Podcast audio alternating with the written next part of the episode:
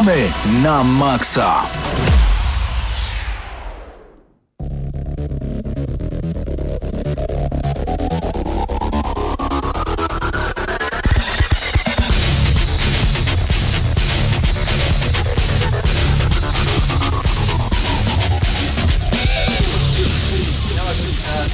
Minęła godzina 21 w Radiu Free.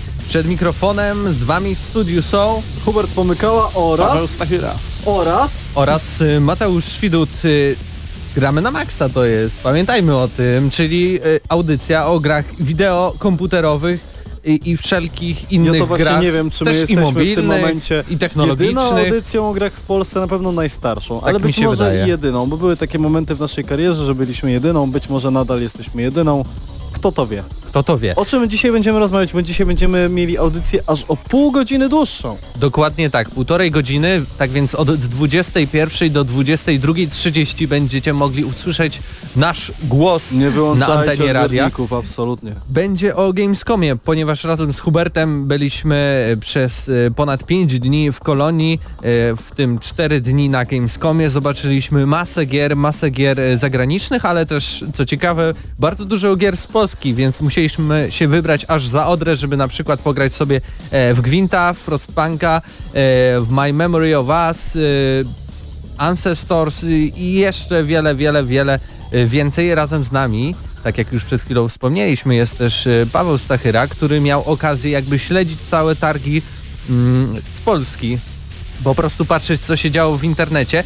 Co ciekawe, zazwyczaj przyglądanie się targom e, z pozycji e, internetowej jest o wiele bardziej jakby em, wiele więcej wiedzy można wyciągnąć, bo my będąc tam jesteśmy jakby skazani na to, co nam powiedzą twórcy, a twórcy często kłamią albo po prostu koloryzują wszystkie rzeczy, a ty Pawle mogłeś zobaczyć na przykład gameplay samemu, na który akurat na przykład nam nie udało się dotrzeć, żeby go zobaczyć i samemu sobie e, wyciągnąć opinię i stwierdzić, czy to było fajne, czy też nie. Zakładam, że najważniejszą rzeczą dla ciebie było Mountain Blade Bannerlord. Nie, Nie? e, to był Jurassic World e, Evolution, ale, ale Bannerlord był tam wysoko, jest dla mnie specjalny. E, to tak Na- więc... Natomiast no, jestem ciekaw e, waszych wrażeń, szczególnie z, ze strzelanek, bo prawda jest taka, że gameplay można sobie oglądać, ale e, jeżeli mamy tutaj dwie osoby, które sobie grały w Battlefielda i Call of Duty, no to No to też y, jest dosyć y, różnica, ale może zanim przejdziemy właśnie do tego, co my sądzimy o tych grach, y, w jakie gry zagraliśmy, e, to opowiedz nam o produkcjach, które my nie zagraliśmy, bo, e, bo, bo już wiemy w co ty grałeś, w co ty nie grałeś, e, znaczy co widziałeś, a, a my w co graliśmy, tak więc e, kilka słów od ciebie. No więc tak, e, było tam całkiem sporo tytułów e, nowych, trochę tych e, mniejszych, takich, które na E3 by nie miały jakby prawa bytu, tak, siły przebicia. Właśnie przykładem może być ten Jurassic World Evolution. Na początku się to wydawało, jak kiedy zobaczyłem zapowiedź, jeszcze sam tytuł, wydawało mi się, że to jest po prostu jakaś kolejna licencjonowana gra, która przemknie bez echa, natomiast jest to duchowy spadkobierca takiej gry z 2003 roku, Jurassic Park Operation Genesis.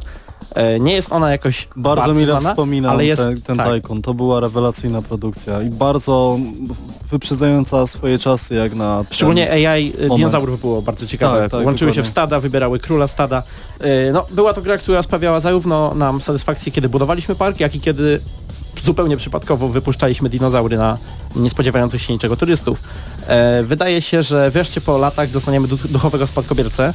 Co więcej, robionego przez studio Frontier, zdaje się, Entertainment, które było, e, które odpowiada za tworzenie rollercoaster tykonów, więc już mają 15 lat e, doświadczenia w, w samym gatunku. No i jestem ciekaw, jak to wyjdzie. Co dalej? No mamy, mamy Bannerlorda, tak? Oczywiście wiadomo, bo Powie- się to pokaże. Powiem Nie- szczerze, że zanim pojechałem w ogóle do kolonii, to otrzymałem od moich znajomych, od około chyba pięciu, sześciu czy nawet siedmiu, e, prośbę, a zarazem pytanie, ej, jak tam będziesz i tam będzie Mountain Blade nowy, to weź się tak mi zapytaj, co, co tam będzie, kiedy to dadzą, kiedy, no, no my czekamy, my Polacy mamy tak, że gramy Mountain Blade'a i, i wyczekujemy go bardzo. Mateusz Zdanowicz bodaj chyba był na pokazie Mountain Blade'a, nam się nie udało znaleźć w ogóle na czasu, mieliśmy wszystko jeden za drugim, jeden za drugim i powiedział, że ta gra ładnie wygląda. A pamiętam te pierwsze Mountain Blade'y wcale nie powalały grafiką czy animacjami, a tu mówisz, że normalnie jak zestrzelisz z konia z łuku jednego ze przeciwników, że ten ragdoll, czyli to jak się zachowuje ciało po tym jak zostanie zabite, e, to wygląda świetnie.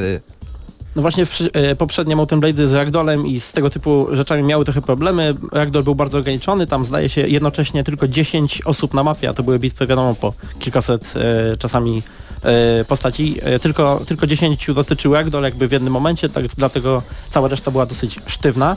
E, no gra przede wszystkim zaczyna być płynna, bo e, jeszcze przed tym E3 wszystkie pokazy, które widzieliśmy, gr, e, gra była na granicy tych 30-40 klatek, czasami skakała bardzo nisko i były, było trochę obaw z tym, natomiast teraz wygląda na to, że gra jest stabilna. No i poznaliśmy nowy tryb gry, e, tryb kapitana. W tym trybie pięciu graczy e, po obydwu stronach e, ruszy do bitwy na czele małych, około, z tego co widziałem, około 20-25 osobowych oddziałów. E, Wybieramy sobie ich uzbrojenie, wybieramy sobie e, to, jak mają się zachowywać i e, rozwydajemy im rozkazy podczas bitwy. To pozwoli nam na e, rozegranie przez internet bardzo dużych bitew przy małej, mm, przy małym jakby zainteresowaniu ze jeżeli chodzi o serwer. To znaczy nie będziemy musieli już szukać serwera, na którym gra ileś tam set osób, wystarczy, że znajdziemy dziewięciu kolegów i mamy rozegrane, e, mamy rozegraną całkiem dużą bitwę. Co jeszcze? Widzieliście Biomutanta? E, przechodziłem obok wręcz. Ja też przechodziłem obok i jakoś się tam I- nie i prawie- znalazłem. prawie Ale tam wszedłem. Mateusz Danowicz był. E, To je, było chyba na stanowisku THQ Nordica, więc jest. ludzi odpowiedzialnych właśnie za na przykład Alexa, też grę RPG, o której będzie za chwilę, bo udało mi się ograć tak, nowy Gothic, ale to jeśli ktoś lubi produkcję Piranha Bytes, to chyba właśnie na to czeka, nie czeka na jakąś nową grę RPG, która w ogóle będzie nie w stylu Pirani. Ludzie chcą Pirani Bytes, e, chcą topornego gameplayu, e, świetnej fabuły i, i takiej sobie rozgrywki. I dokładnie ja również tego chcę. Natomiast Czy ja jeżeli- myślę, że ludzie chcą od Pirania Bytes więcej, ale ich zadowala to, co Pirania Bytes dostarcza. chcą więcej i faktycznie gra wygląda super. A propos więcej, bo też rok temu byłem na pokazie Alexa i ta gra wyglądała eh, tak o, a teraz naprawdę to co się wyrabia z cieniami, ze światłami e, i nawet animacje poprawili, no to No jak Pirania robi animację, poziom. to jest... Chociaż Naprawdę. światowy poziom po Mass Effectie różne rzeczy może znaczyć.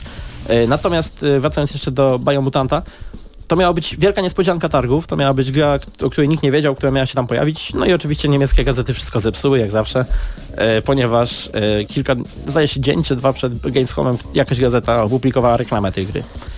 No, to, no ale co o niej wiemy? To jest taki RPG. Wygląda troszeczkę jak, nawet taki powiedziałbym, nie oldschoolowy, ale jest taki troszeczkę, szczególnie estetyka jego, w takim stylu lat 90. troszeczkę. E, No dzisiaj się nie robi takich gier z, masko- z takimi maskotkami wymachującymi wielkimi mieczami. Hmm, Tak mi się wydaje, chociaż ja w japońskiego za dużo nie gram. E, Jedną z najciekawszych rzeczy, jeżeli chodzi o grę, jest to, że mamy tam, e, jest tam taki ten dziwny system zmian genetycznych naszego bohatera. Możemy, w zależności od, możemy korzystać z różnych mm, zmian genetycznych, żeby dostosować się do otoczenia, żeby w, w, dostosować się do tego, jacy przeciwnicy nas atakują. trochę jak Wiedźmin i mutageny. No troszeczkę, tylko że Wiedźmin po wypiciu mutagenów co najwyżej bledł, a tutaj y, możemy zamienić chomika Znaczy w jaszczurkę. eliksirów, mutageny, a no, no, No, dobre, no, dobre. no, no, eliksirów mutagenów. Zjedzą nas. Czy coś To- jeszcze ciekawego udało Ci się wyhaczyć, co nam się nie udało zobaczyć? Age of Empires. E, To jest jedna z tych serii, gdzie e, tak naprawdę pierwsze Age of Empires jednym z, z, gier, które stworzyły gatunek strategii czasu rzeczywistego. E, Jak wiemy, dwójka też e, najlepiej przyjmowana, jedna z najlepiej przyjmowanych strategii w historii, trójka troszeczkę zawód i po 12 latach, no po 13 wyjdzie, ale po 12 ogłoszono, że pojawi się kontynuacja, taka e, sensowna, a nie remake HD i będzie robiona, co ciekawe, przez Relika.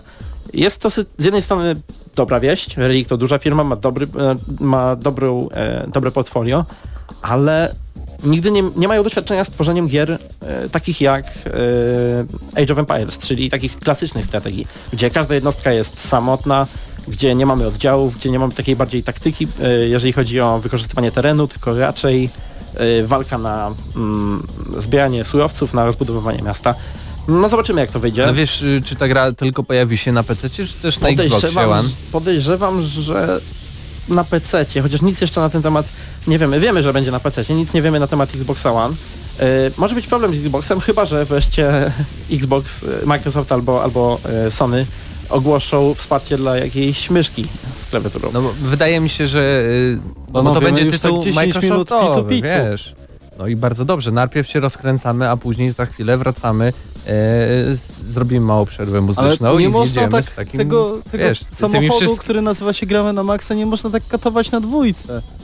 Zaraz, zaraz, Rzućmy trzeci bieg. zaraz wrzucimy. E, tak więc y, Pawle, dokończ, dokończ już i, i będziemy przechodzić do, do klub. No tak, tak, no to, to właściwie tyle, tak? Mamy tyle, było więcej ciekawych gier, ale myślę, że akurat to są gry, o których e, wy, wy opowiecie, ponieważ z tego co wiem, graliście w nie. E, tak, tak więc y, zostawimy Was, drodzy słuchacze, z jakąś fajną i ciekawą muzyką z gier wideo. No i tak jak zostało przed chwilą wspomniane, wrzucimy trzeci bieg odcina i pojedziemy z tym, e, co było najfajniejsze na targach Gamescom 2017 w Kolonii.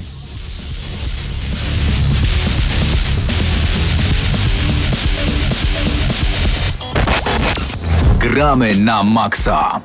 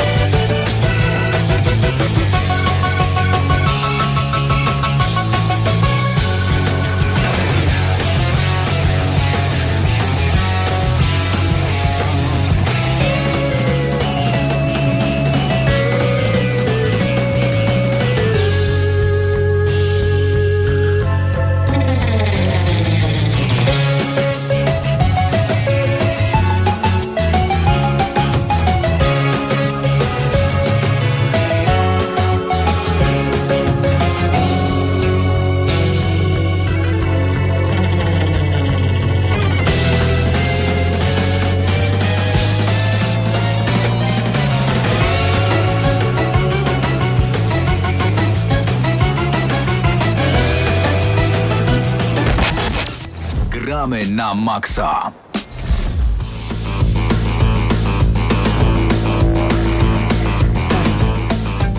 To była chwila przerwy wraz z Crashem, Bandicootem i Inside Trilogy.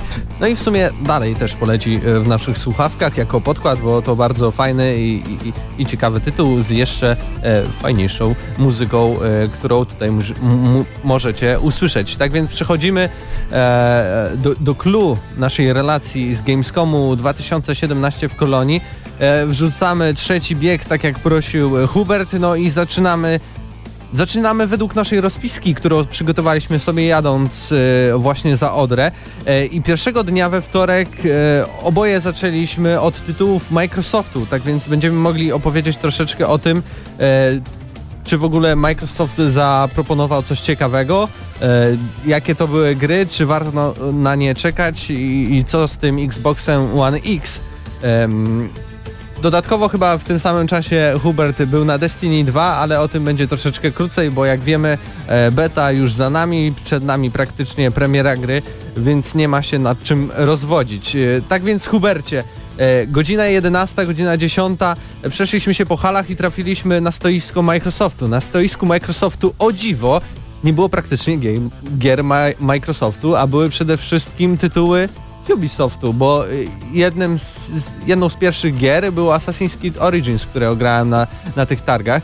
I Assassin's Creed, które mm, jakby wrażenia y, z ogrywania możecie sprawdzić na naszym YouTubie, y, czyli tutaj przypominam www.youtube.com ukośnik GNM Crew, tam wpisujecie sobie wrażenia Assassin's Creed Origins i tam wyskakuje wam y, mój filmik ponad 5-minutowy czy nawet 6 e, o moich wrażeniach z Asasyna, ale tak w skrócie, dlaczego mi się w ogóle nie podobało, bo, bo takie było clue tego filmiku.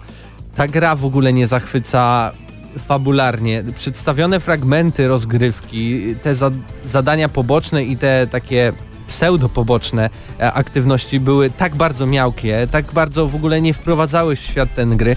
Ja bym oczekiwał od twórców, od Ubisoftu to, że e, idą na targi, pokazują coś graczom, pokazują co, coś dziennikarzom, wybierają najlepszą albo jakąś bardzo ciekawą e, misję, która może wprowadza jeszcze jakiś nowy element rozgrywki i wtedy my wszyscy bierzemy się za te pady, za te klawiatury i myszki, gramy 5-10 minut i mówimy wow, ale nowy Asasyn jest super, lecę w listopadzie do sklepu i kupuję nowego Asasyna, bo to jest w ogóle czaszka rozwalona, to jest najlepszy Asasyn w historii, ale nie, to wychodzi na to, że ten Asasyn jest jednym z nie wiem, jeśli chodzi o fabularne aspekty przynajmniej i to, co zostało zaprezentowane, czy- czymś, czymś najgorszym w historii, ale może koniec takiego psioczenia o tym, co było złe bardzo w tej prezentacji, ale co było dobre, to możliwość sprawdzenia e, całego gameplayu, jeśli chodzi o system walki, który został tutaj znacząco usprawniony i jest, e, bym powiedział, bardziej slasherowaty, bo mamy e, kilka przycisków, które używamy, między innymi jeden odpowiada za lekki atak, jeden za e, atak e, e, ciężki, e, jednym możemy unikać, jednym możemy kontrować jeszcze piątym możemy się rolować jak w Wiedźminie 2 wokół przeciwnika. I to wszystko sprawia, że za każdym razem musimy przycisnąć ten przycisk, żeby wykonać atak. Nie tak jak w poprzednich Asasynach, że trzymaliśmy tam Xa, no i tam Asasyn sobie wszyscy, ze wszystkimi radził, dziękuję, do widzenia, koniec misji, jest super, oglądam filmik e, no i w ogóle Assassin 9 na 10 sprzedane, jedziemy dalej. Niestety e, oprócz e, tych rzeczy pozytywnych jak rozgrywka, to są rzeczy negatywne, czyli oprawa audiowizualna. Grałem na Xboxie One X, e, w ogóle nawet nie na takim retailowym, czyli takim sklepowym egzemplarzu, tylko e, egzemplarzu deweloperskim e, z grą w wersji alfa i, i, i w 4K, czy tam pseudo 4K Origins wygląda gorzej niż poprzedni Assassin's Creed Syndicate yy, czy ten yy, z Paryża, Boże, Boże Unity. Unity, no właśnie, zabrakło mi tego podtytułu. Mamy tutaj bardzo duże lokacje, które prawdopodobnie dużo pobierają z wydajności całej konsoli, no ale nie oferują nic ciekawego, no bo jak masz dużą lokację pustynną, to tam wiele rzeczy nie wrzucisz. Kamienie, piasek, serio? To, to, to, to ma być moc Xboxa One X? No nie sądzę, tak więc jestem naprawdę zdegustowany tym, co zostało pokazane, e, jeśli chodzi o Asasyna na stoisku Microsoftu. E, liczyłem na coś więcej. Oczywiście jako fan z całej serii to pewnie zagram e, na jesieni, ale to tylko ze względu na to, że jestem fanem. A mam pytanko do ciebie jako fana. Jak skradanie? Bo mówisz o walce, mówisz o wybuchach, ale jest tam jakieś skradanie? Wiesz co, w tej lokacji, która została udostępniona, nie dało się praktycznie tego użyć, ani nawet spróbować. Ok, możemy się przylepić do ściany i na przykład zajrzeć do, do środka budynku, no ale w środku był jakiś przeciwnik i tyle z mojego skradania się skończyło. Na przykład jest element bardzo casualowy, kiedy wsiadasz na ko konia y, i jedziesz po y, drodze, możesz nacisnąć, przytrzymać y, przycisk A i wtedy nagle twoja postać sama jedzie wzdłuż drogi aż do najbliższego twojego celu. Możesz odłożyć pada, pójść, zaparzyć herbaty, wrócić za 5 minut i nagle e, twój bohater e, jest e, przy, przy ale, celu misji. ale automatyczna jazda była też w Wiedźminie w zasadzie. Przy czym tam Tak, wzdłuż drogi ale po prostu jechał jeśli- niekoniecznie do celu. Je, jeśli chodzi o, o Asasyna, to jednak to jest pewna nowość, no i oczywiście są standardowe bugi, czyli można się na przykład zablokować pomiędzy łódką a, a wyjściem z wody, co mi się oczywiście zdarzyło, bo jak, jakby, jakby nie, jak zazwyczaj y, w Asasynach nie mam błędów, to tutaj było masę tych bugów. No, tak z tym nie ma błędów, przecież Unity głównie za to było. Okej, ale tak jak mówiłem w recenzji, Bite. możecie sobie nawet sprawdzić, jeśli interesujecie się jeszcze Unity, e, mi akurat się nie zdarzyły praktycznie żadne.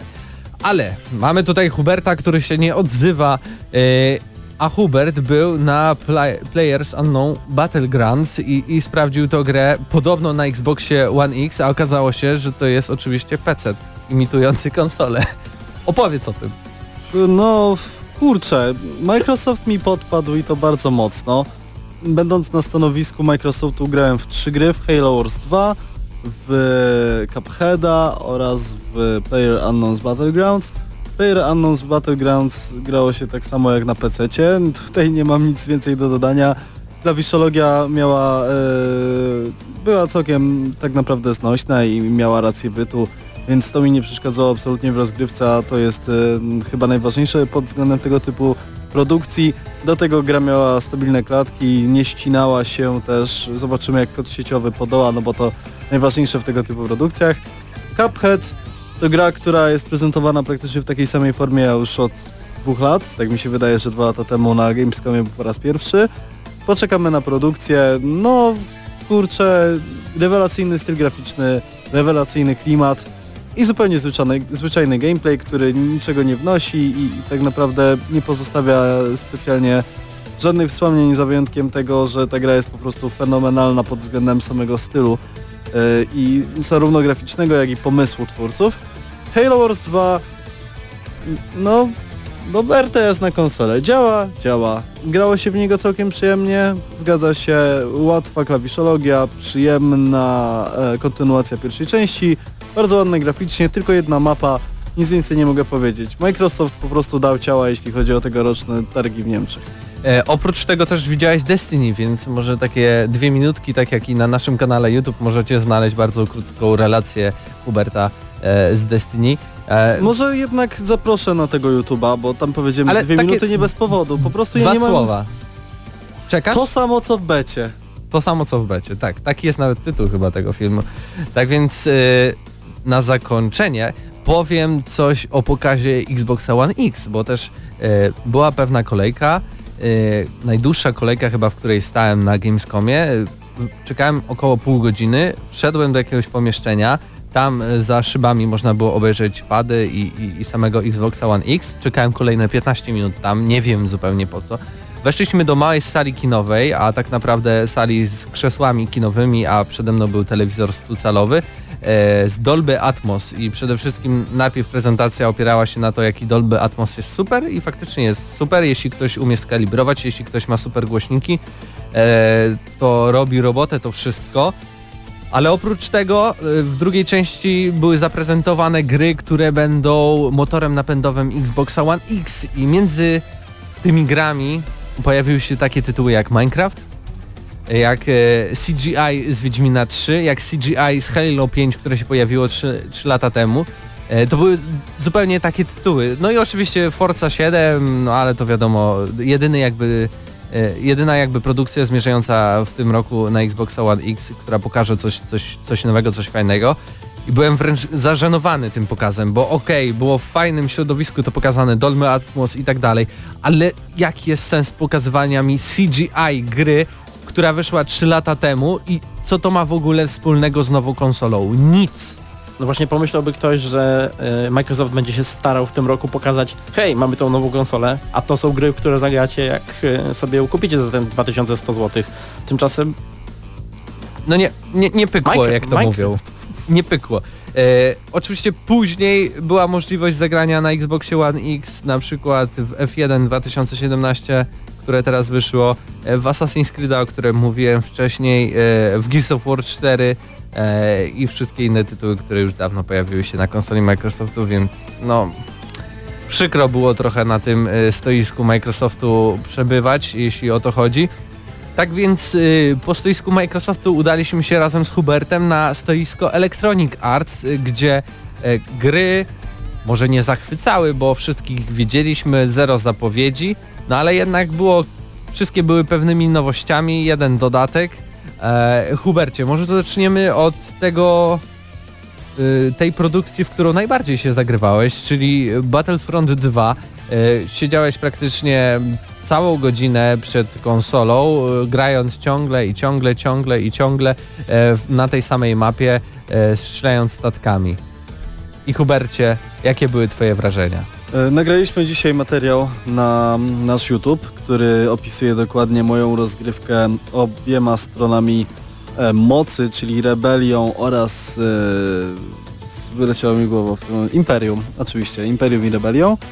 I kurczę, naprawdę nie chcę się powtarzać, ale Star Wars Battlefront 2 to wielka niewiadoma, ponieważ na targach zobaczyliśmy tylko i wyłącznie fragment, który pozwalał nam polatać myśliwcami po kosmosie i odbyć tam, e, wiadomo, e, jak to się nazywa, kosmiczną batalię taką pomiędzy sobą. Gra jest naprawdę śliczna, myślę, że silnik Frostbite jest, e, został wyeksploatowany do granic możliwości. E, Generalnie trochę większy nacisk postawiono na dopasowanie stylu rozgrywki pod siebie, ponieważ e, teraz w tych e, każdy z myśliwców ma dodatkowe karty takie jakby, które możemy aktywować, które powodują, że możemy zmieniać sobie w nim e, wyposażenie, tak jak to jest normalnie w zwykłym Battlefroncie, w zwykłej wersji strzelaniny, czyli w strzelaninie pierwszoosobowej, w sensie nasz bohater ma dodatkowe umiejętności, które może wymieniać i dodatkowy osprzęt, z którego może korzystać. To teraz jest dostępne również w przypadku bitw e, międzyplanetarnych, tak to ujmijmy. Chodzi oczywiście o kosmos. A poza tym e, to jest jedyny fragment, który był Star Wars Battlefront 2 dostępny I trochę gdziekolwiek. szkoda, i trochę szkoda, bo liczyłem na to, że jednak zostanie pokazany fragment e, kampanii dla pojedynczego gracza. No na pewno różnicą jest to, że e, w jedynce, e, jeśli chodzi o te mm, statki, którymi sterowaliśmy, e, to mieliśmy praktycznie autolog, czyli samo namierzanie, a tutaj no, dali graczom więcej swobody i, i, i możemy samemu e, pocelować e, w, w naszych przeciwników i oprócz tego też że- gramy chyba tam 5 na 5, czy tam nawet 4 na 4, no to jest jeszcze masa botów dodatkowe, dodatkowa, żeby to jakoś nie wyglądało ultra biednie. Więc oprócz Battlefronta, także na stoisku Electronic Arts y, mogliśmy sprawdzić na przykład y, Need for Speed'a Payback. Ym, o tym też jest film i zazwyczaj, no może nie będziemy nawet mówić, ale większość tych gier, które dzisiaj o, o, o których będziemy opowiadać, y, nasze wrażenia już są na YouTubie, ale wrażenia są zazwyczaj jednej osoby.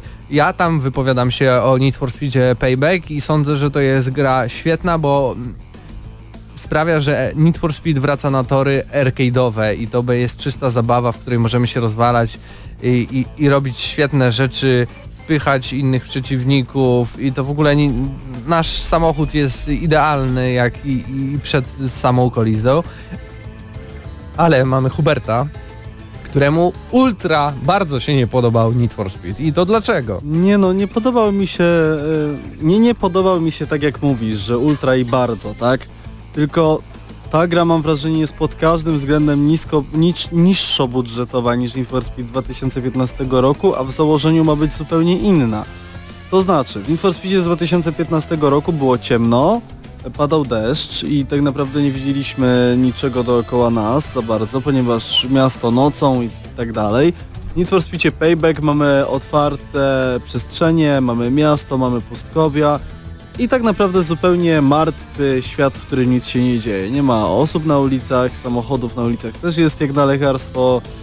To jest wszystko po prostu bardzo sterylne i daje takie wrażenie od, odrealnienia. Nawet w momencie, kiedy mamy do czynienia z grą, która nie ma nic wspólnego z realizmem, ponieważ w pierwszej misji w grze skaczemy Koenigseggiem na wysokości 10 czy 15 metrów e, po prostu nad ulicą, to chcielibyśmy jednak móc poczuć się w tym filmie. Natomiast nie możemy też poczuć się jak w filmie w momencie, kiedy przejeżdżamy przez punkty kontrolne, które wyglądają jak tęcza nad naszą e, po prostu nad naszą drogą jazdy. To jest po prostu jakiś taki półokrąg, który ma niebieskie trójkąty. Nie wiem o co chodzi w tej grze po prostu. Tam jest tyle nieścisłości, tyle elementów, które się ze sobą totalnie gryzą, że mam, trzymam kciuki, bo ja uwielbiam Need for Speedy. Grałem w każdą część Need for Speeda, kiedy pamiętam.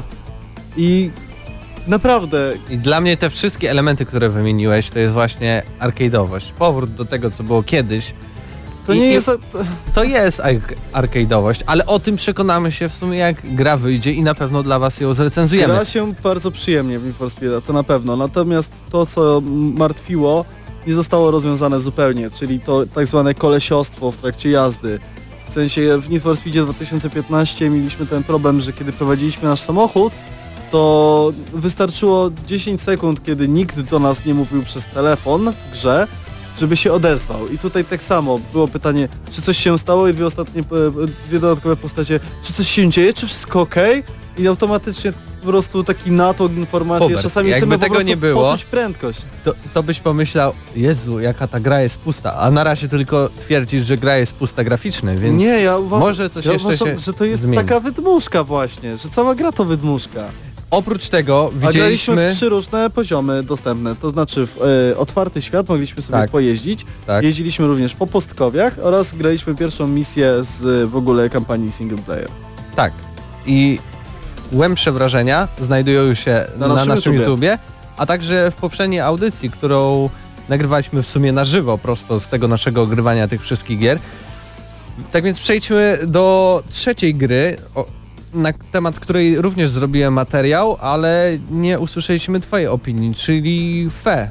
Y, gra szwedzkiego studia, którą, to studio jest pod opieką Electronic Arts, Fe, czyli wróżka, a więc y, wróżka, czyli taki klimat Fairy. dosyć y, magiczny. No i Hubercie, tobie się to podobało? Może opowiedz o, o co tam chodzi. Budzimy się jako taki zwierzaczek y, w, w lesie, jesteśmy osamotnieni i tak naprawdę musimy znaleźć drogę, drogę do przodu i, i, i w tych wszystkich chyba kłopotach y, i w pokonywaniu, y, nie wiem, na przykład wysokości pomagają nam inne zwierzęta, z którymi musimy się zaprzyjaźnić i jakby główną rzeczą, jeśli chodzi o gameplay, jest właśnie to zaprzyjaźnianie się poprzez, uwaga, śpiew. Uczymy się śpiewu i dzięki temu, że nauczymy się śpiewu konkretnej, konkretnego gatunku zwierzęcia, możemy się z nim skomunikować i wtedy stajemy się tak jakby przyjaciółmi i, e, i takie zwierzę może nam pomóc. Na przykład jeleń może e, użyczyć nam, nie wiem, swojego grzbietu, aby się wspiąć na wyższą półkę. Hubercie, FE, czyli FE, tudzież FI, to tudzież to też złe słowo, muszę się go oduczyć. Aha, to tudzież oznacza I, a to ma być lub.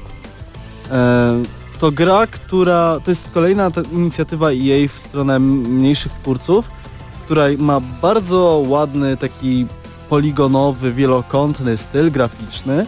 E, na dodatek cała dzieje się w mrocznym lesie, w którym e, kierujemy czymś, co jest, wygląda jak połączenie wiewiórki i lisa, ale jest czarne i właśnie komunikuje się z całym światem, który nas otacza śpiewaniem, śpiewem.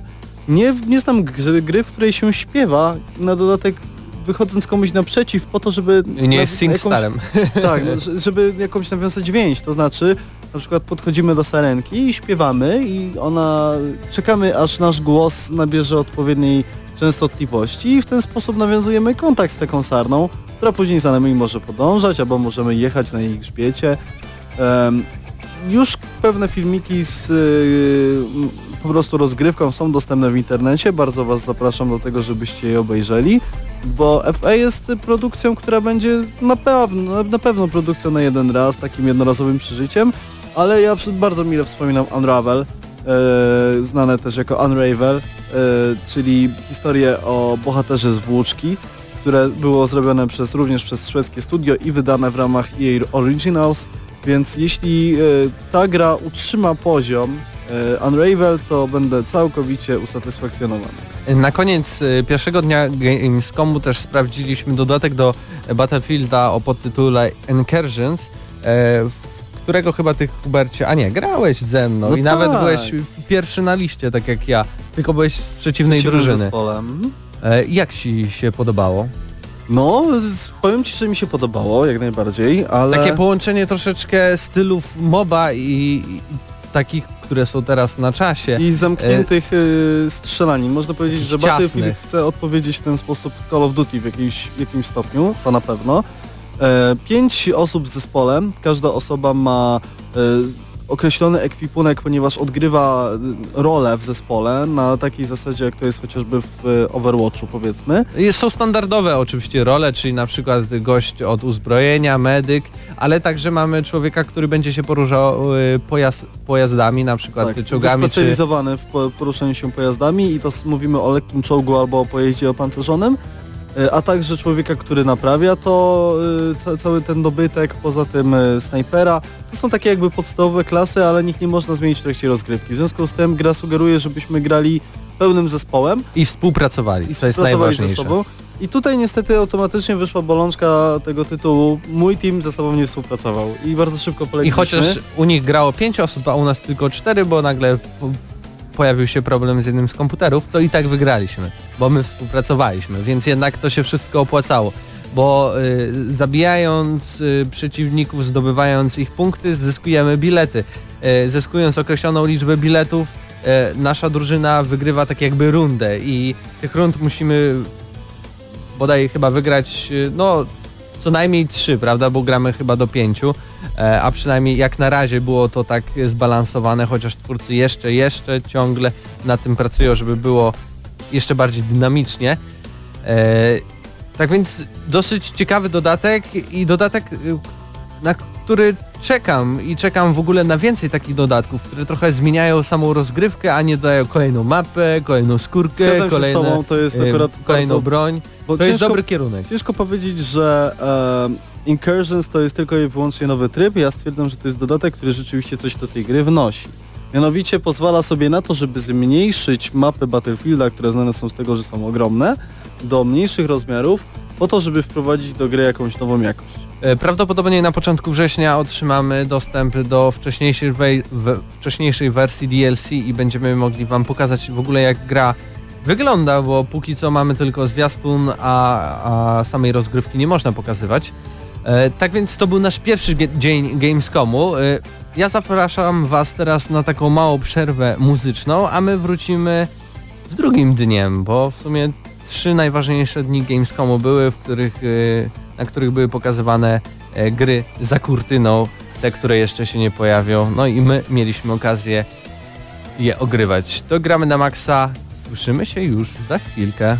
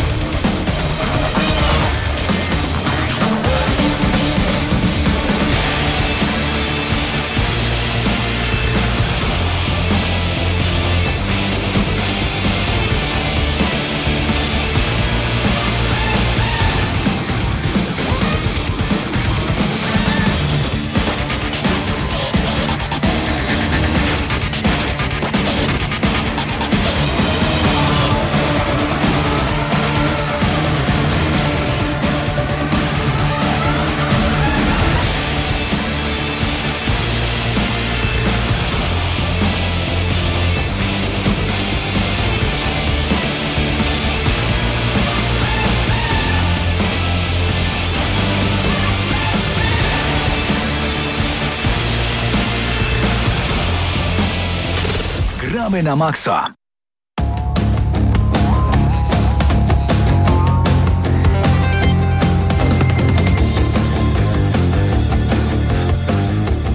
I nadal przygrywa nam muzyka z Crasha, Bandicoot, Inside Trilogy. Super soundtrack. Przyznasz, Hubercie i Pawle. Dla mnie to jest idealna muzyka pod gramy na maksa, więc ja będę was katował, bo jak wróci Paweł Typiak, to wiadomo Tekken, Tekken, Tekken, Tekken, Tekken, Tekken. co, bardzo się zgadzam z tobą, że to jest super soundtrack, tylko problem z Crashem polega na tym, że ja nie przeszedłem tej gry i nie mam wcale ochoty do niej wracać. No ale to są ja tak naprawdę kupiłem. trzy gry, więc wiesz. I, ale to tak naprawdę nie mam Nie ochoty wracać do żadnej. nie bluźnij, bo ci Może się za podobała. miesiąc dam mu, no tak, no podobała mi się, owszem, ale odbiłem się od niej trochę. Może za miesiąc dopiero wrócę do tej gry. Ale ona tak przypomina nam o dzieciństwie i o czasach PlayStation 1. No ale nie przypomina mi o Rozmarzyłem się. frustracji, nie? A propos Dzieciństwo nie kojarzy mi się z frustracją. frustracji i tutaj gra słów, y, porozmawiamy o drugim dniu Gamescomu i na drugim dniu Frustra... y, będzie y, pierwsza gra, którą ograliśmy, nazywała się Frostpunk, nie no, żartuję, Frostpunk, taki suchar od 11-bit Studio z polskiego studia odpowiedzialnego m.in. za This War of Mine. Razem z Hubertem mieliśmy możliwość porozmawiania e, z twórcami, e, ogrania w sumie całego dema. E, Byłem chyba drugą osobą na całym Gamescomie, która skończyła to demo, bo większość osób e, jakoś tak nie udawało im się przejść dalej. Ale może opowiedzmy czym jest Frostpunk. Frostpunk to jest taka strategia y, w stylu... Kurczę, właśnie trudno powiedzieć w jakim stylu. Była kiedyś taka gra Banished, e, w której zarządzaliśmy całą wioską i tu jest e, podobnie. Mamy główny reaktor, e, który produkuje nam ciepło, a my zarządzamy grupą ludzi, e, która próbuje przetrwać w groźnym środowisku opanowanym niską temperaturą, więc mamy mnóstwo śniegu i po to, żeby aby nasi ludzie przeżyli, musimy generować ciepło w generatorze, budować im na przykład stołówki, e, domki e, dla myśliwych, wysyłać ich, by e, na jakieś łowy, by wydobywali drzewo, by wydobywali jakiś kamień i inne minerały i dzięki zbieraniu tych wszystkich e, zasobów możemy budować e, kolejne budynki. Oprócz tego mamy do dyspozycji inżynierów, y, których możemy zatrudnić do mm, jakby wyna... do, do jakby odkrywania nowych wynalazków, y, czyli nowych budynków, które pozwolą nam, nie wiem, na przykład stworzyć jakąś specjalną lecznicę.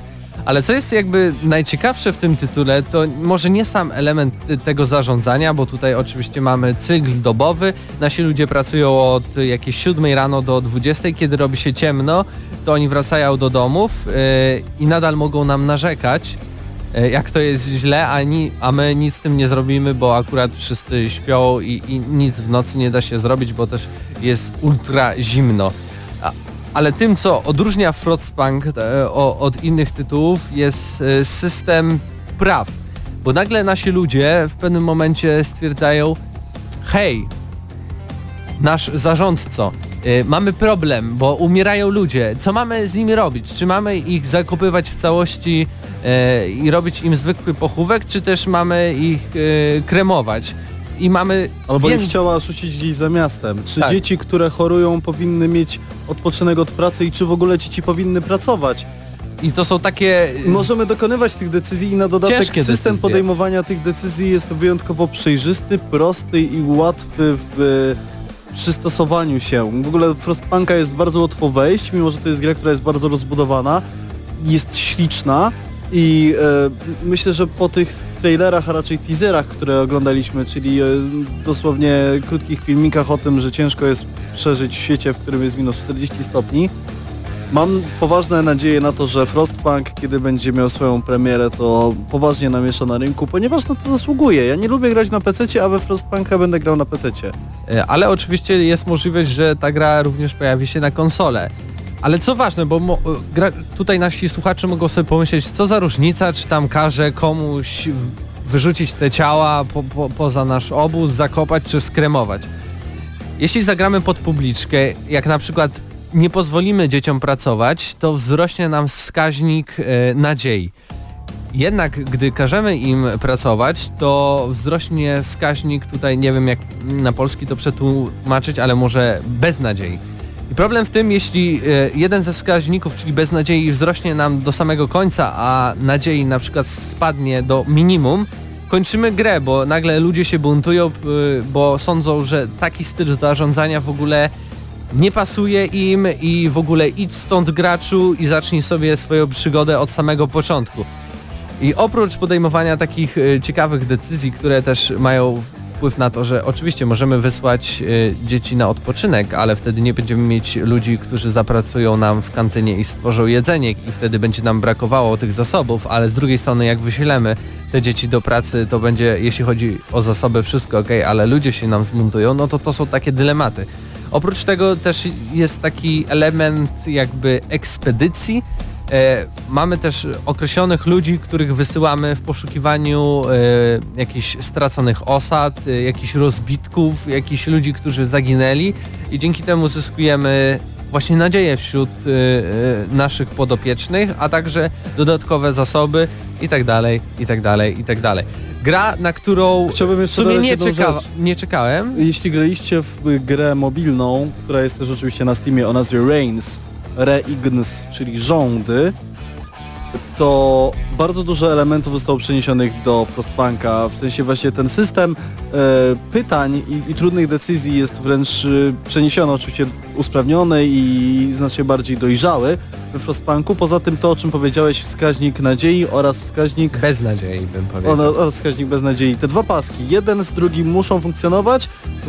Yy, one, te, te, te paski się trochę zmieniły, bo tam w Reigns było tak, że jak przegiąłeś z czymś, to automatycznie e, gra się kończyła. Być może tutaj nie przegięliśmy z niczym, też się skończy, ale wiemy, że kiedy oba spadną do zera, to po prostu przegrywamy. Albo nawet jeden spadnie do zera, to...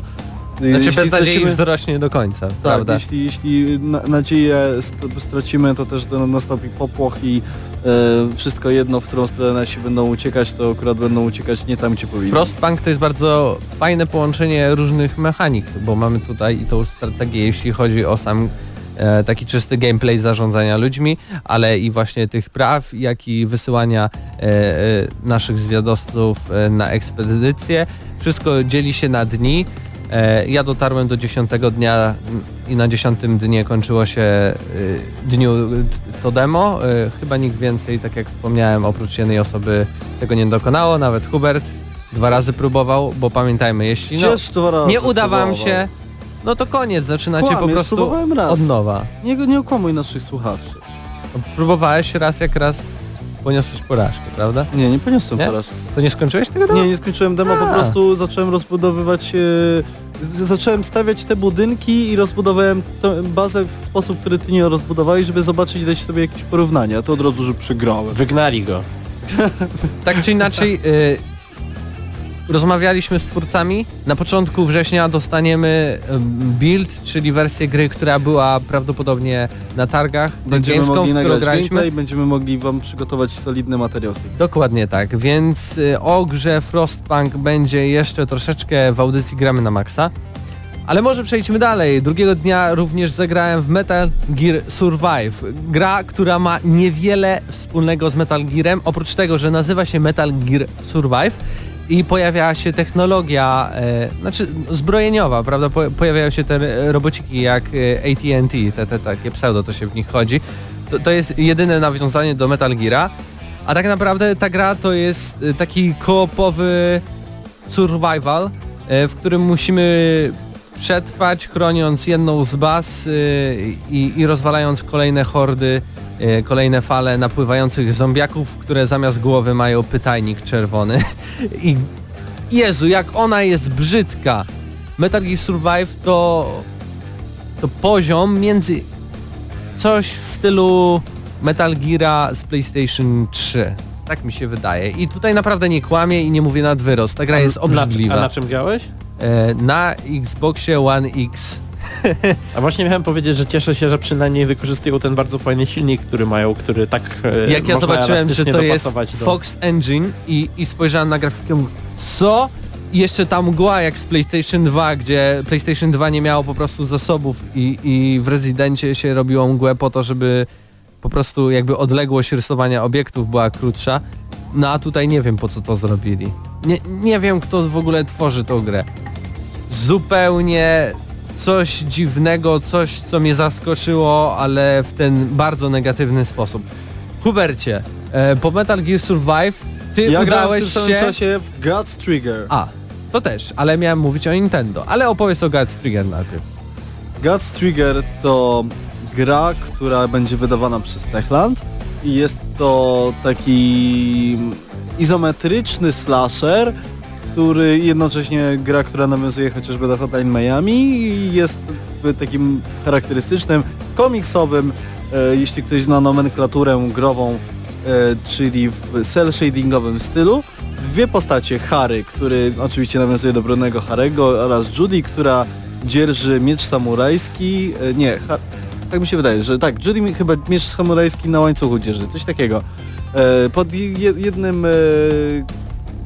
Pod jednym przyciskiem mamy atak bronią, tą e, właśnie, która jest charakterystyczna danej postaci, a pod drugim to, co znajdziemy na, na ziemi. Bardzo brutalne, bardzo z poczuciem humoru, e, sugestywna rozgrywka, ale jednocześnie z przymrużeniem okna, e, ok, okna, z oka. Coś, co jest bardzo potrzebne szczególnie konsolom.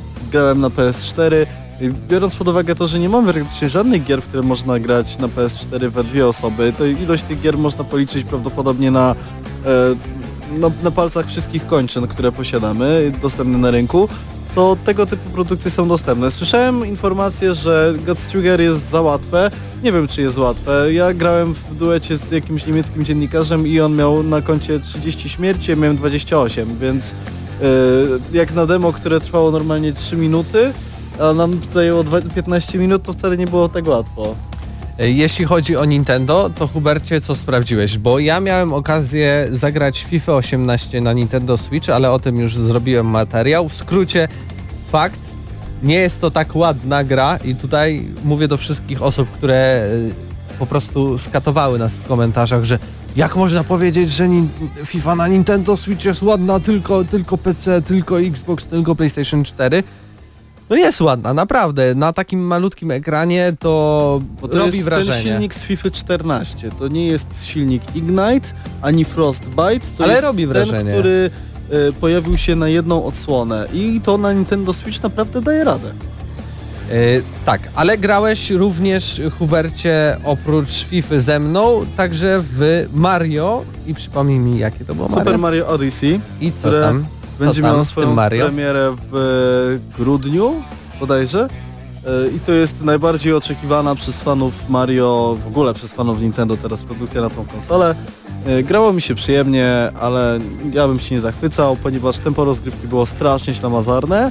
Wręcz casualowo-casualowe bym powiedział, czyli siadamy, żeby pograć Mario 15 minut i naprawdę po 20 minutach grania w Mario wcale nie miałem ochoty grać w tę grę jakoś dłużej. To, że można w tej grze zrobić wszystko, musi być jakiś jeszcze w sensowny sposób wytłumaczone, bo nie widzę sensu, żeby robić wszystko, kiedy nie mam ochoty biegać po mapie. Grałem też w Skyrima. W Skyrima grało się na Nintendo Switch świetnie. Skyrim się w ogóle nie zacinał. Trafiłem akurat na zły moment, bo byłem w jaskini i Skyrim nie był prezentowany na dużych e, monitorach, tylko na tym malutkim ekraniku switchowym. A on nie jest zbyt jasny. Nie jest zbyt jasny, więc to nie jest gra, jak wejdziecie do jaskini, to nie pogracie w Skyrima o 23.30.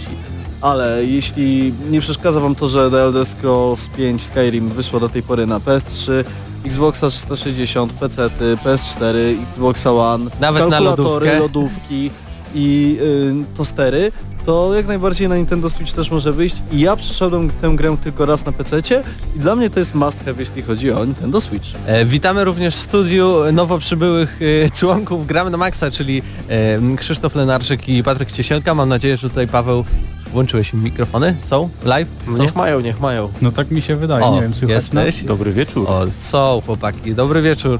E, panowie przyszli do nas, by opowiedzieć o Call of Duty, ale o Call of Duty jeszcze za chwilę, bo mu, musimy dokończyć nasz drugi dzień Gamescomowy e, i po Nintendo wybraliśmy się razem z Hubeltem mm, do budki Focus Home Interactive. Brzmi pięknie. Ich e, tytuły, czyli na przykład Vampire, też brzmi pięknie. Ty Hubercie widziałeś Call of... Ty też, Call of Cthulhu. Tak. Nie wiesz czym jest Call of Cthulhu? Nie, nie, bo ja nigdy nie potrafię wypowiedzieć tego tytułu, więc wolałem, żebyś ty to Cthulhu, powiedział. miękko, miękko, Cthulhu. E, tak więc zobaczyliśmy te dwa tytuły, które oczywiście jeśli chodzi o może warstwę fabularną, o rozwiązania ym, dialogowe, o różne ścieżki wyboru i podejścia do przechodzenia konkretnych misji, o gęstość klimatu, o, o takie przytłoczenie, to, to, to wszystko jest świetne, taki jeszcze świat Lovecrafta się tam wbija po prostu z buta, jak to niektórzy mówią, ale jak ta gra wygląda? Jedna z drugą. Jakie są tam animacje? Andromeda przy wampirze to jest po prostu majstersztyk. Tam no fotorealizm Andromeda jest. Trzeba pamiętać, że Focus to jest generalnie taki wydawca, który... Który jest to- małym to- wydawcą. Tak, to są tytuły AA bardziej niż y, Triple Chociaż tak? wiesz, bo patrząc na przykład z aspektu graficznego, takiego czysto, nie wiem, cienie, gra świateł, e, tekstury, to wszystko jest bardzo ładne. Mógłbym powiedzieć, że niektóry, w niektórych momentach to jest poziom graficzny jak z Wiedźmina 3 w tym wampirze. Ale jak się pojawiają te twarze, to po prostu, no, tak wybija z tej... Ale strasznie. wiesz dlaczego tak jest? Y, Moim zdaniem animacja twarzy to jest jeden z najtrudniejszych elementów game developingu Prawda. i bardzo dużo studiów sobie z tym nie radzi. Szczególnie jak się wcześniej wspomnieliście, firma ta raczej nie produkuje jakichś bardzo wysokobudżetowych tytułów, więc siłą rzeczy nie może być to wspaniałe, ale ponoć sama gra jest ciekawa, więc chyba jakoś bardzo to nie przeszkadza. Tak, na swój sposób, y, bo przypomnijmy, y, gramy tam y, wampirem. S- Są też ludzie i łowcy, którzy szukają tych wampirów, a, a my też tutaj y, poruszamy się po takim Londynie, który, którego trapi y, oczywiście plaga, nie wiem czy cholery przypadkiem. I, i wszystko jest takie ciemne, kwaśne i, i w ogóle gęste. To mi się strasznie podoba, no ale to o czym powiedziałem, czyli te aspekty powiedziałbym animacyjno-wizualne strasznie, strasznie, strasznie kuleją. Byliśmy też na najlepszej prezentacji w trakcie całych targów, która to była prezentacja również gry od Focus Interactive, właśnie Call of Cthulhu, czyli Zew Cthulhu. I problem tej prezentacji i jednocześnie jej bardzo duży plus polegał na tym, że deweloper, czyli twórca gry po prostu nauczył się tej prezentacji na pamięć. I postanowił, z racji tego, że to już była 15.30, to była taka godzina powiedzmy już mocnego zmęczenia, drugi dzień targów i w zależności od tego, co widzieliśmy na ekranie, zaczął on po prostu komentować to, co widzimy na monitorze i zrobił to w bardzo beznamiętny sposób. Na przykład wyobraźcie sobie sytuację. Mroczny klimat, XIX-wieczna Anglia, schodzimy do studni, w której jest jakiś zatęchła woda, która jest zielona i wszędzie dookoła nas jest syf, brud i nie chcemy tam być. Trafiamy prosto do kanałów, przechodzimy przez zieloną, zarośniętą wodę, trzymając w ręku jedynie zapalniczkę, y, która jest napędzana paliwem, wiadomo, i tam mamy jedyny malutki, malutkie źródło ognia, przechodzimy nie wiemy nawet gdzie i nagle płynie na nas coś, co wygląda jak ośmiornica, po czym ten deweloper, tudzież a raczej twórca mówi o nie, co to takiego? I w tym momencie 8 czy 10 osób, które znajdowały się w em, pomieszczeniu, stara Było się, takie- starało się za, Dla- za, za, zatrzymać śmiech. Później te, weszliśmy e, razem z naszym twórcą do magazynu, w którym były rozwieszone ryby, z których ściekała jakaś ciecz, po prostu były te zepsute ryby i on powiedział ojej, te ryby są popsute, czy ktoś tutaj mieszkał? To obrzydliwe. To było tak bardzo surrealistycznie niesamowite, że pamiętając wszystkie prezentacje na Gamescomie, to naprawdę musiałbym się skupić, żeby sobie tak z miejsca przypomnieć każdą z nich, a ta jedna mi za, będzie, będzie Widzisz, pamiętana Więc cały nie czas. trzeba się aż tak starać, bo i tak można zrobić po prostu tak bardzo słabą prezentację, że jednak ją zapamiętasz i pamiętasz o tej grze, więc jak będzie wychodzić, na pewno będziesz chciał w nią zagrać. Stare przysłowie mówi, nieważne jak mówią, ważne, żeby mówili. Więc może coś jest w tej strategii. E, Nie wiem, czy na sali u nas radiowej są osoby, które zagrywają się w Gwinta, ale również na No ja zakończenie em, tego drugiego dnia byliśmy na prezentacji em, trybu dla pojedynczego gracza w Gwincie. Zobaczyliśmy nową zupełnie historię, bo jeszcze rok temu CD Projekt Red mówił o stworzeniu historii, która będzie na bazie jakiegoś opowiadania o Siri i tam będzie się pojawiał e, oczywiście Geralt, e, a to nagle zostało postawione z boku i mamy nową historię związaną e, z księżniczką, nie pamiętam jak się nazywa, ale wszystko jest oparte w podobny sposób. Cutscenki dialogowe to są po prostu takie modele 2D gadające dymki i- na tym się kończy, choć oczywiście w stylu wiedźmińskim mamy tutaj wybory moralne, mamy dużo e, opcji dialogowych i to może nas zaprowadzić w różne rejony jakby historii. Y, Co ciekawe, na przykład sama rozgrywka, jeśli chodzi o minimapę, po której się tak poruszamy, dosłownie przypomina gry prosto z Facebooka, takie kolorystyczne Candy Crusze, Farmville, więc aż przykro się troszeczkę to oglądało, bo y, mając na myśli Wiedźmina chcemy widzieć y, taką brudną historię, ciężki klimat, y, poważne rozmowy, a tutaj mamy dosłownie no Farmville w świecie Wiedźmina takim hura i do przodu otwieramy skrzynki, zbieramy monety i nagle natrafiamy na jakieś NPC, z którymi rozmawiamy i wtedy oczywiście zmienia się ten styl na te cutscenki 2D, które okej, już są trochę mroczniejsze, już są trochę bardziej w świecie Wiedźmina, ale to co jest pomiędzy naprawdę mnie zdziwiło. Ale Tego pamiętaj, się że nie to jest karcianka. To jest karcianka, ona jest po- jednak e, do trochę innego grona ludzi kierowana i tak naprawdę nawet ludzie niezainteresowani Wiedźminem, którzy raczej, e, albo może nie zainteresowani tą grą, mm, będą w stanie w to wejść wtedy, wiesz, inaczej, nie, nie szukają takiej historii jakiejś poważnej i tak dalej, no Headstone i inne tego Ale nie, tu gry. będzie po- To są poważna kolorowe, historia. piękne gierki. No może będzie poważna, ale chodzi o oprawę. To ma być kolorowe, to ma być przyjemne dla oka. I To tu- ma nie męczyć. Ja chciałem też powiedzieć, że mnie, mimo wszystko, mimo tego, że jestem fanem Wiedźmina, mimo tego, że jestem fanem Gwinta, w żaden sposób nie przekonuje tryb single player do tej karcianki. Jakoś tam e, próbowałem wcześniej robić te wyzwania, które są w grze i tak dalej. Muszę przyznać, że Gwint w wersji online'owej jako gra single player w ogóle mi nie odpowiada i dużo przyjemniej grało mi się w, e, grając tylko i wyłącznie z komputerem w tą wersję Gwinta z Wiedźmina 3. Nie wiem na czym to polega, może dlatego, że komputer potrafi być bardzo przewidywalny i niekiedy e, spasować nawet na swoją niekorzyść i czasami, gdy nauczymy się pewnych algorytmów, to gra nie sprawia nam żadnego wyzwania ani trudności. E, oprócz tego twórcy nie tylko pokazywali e, tryb dla pojedynczego gracza, ale opowiedzieli też o tym, że chcą stworzyć z Gwinta na taką grę esportową totalnie, e, więc będą półfinały, finały i Gwent Challenger Final Pro coś tam, coś tam będzie można nawet wygrać około miliona złotych, czyli 250 tysięcy dolarów.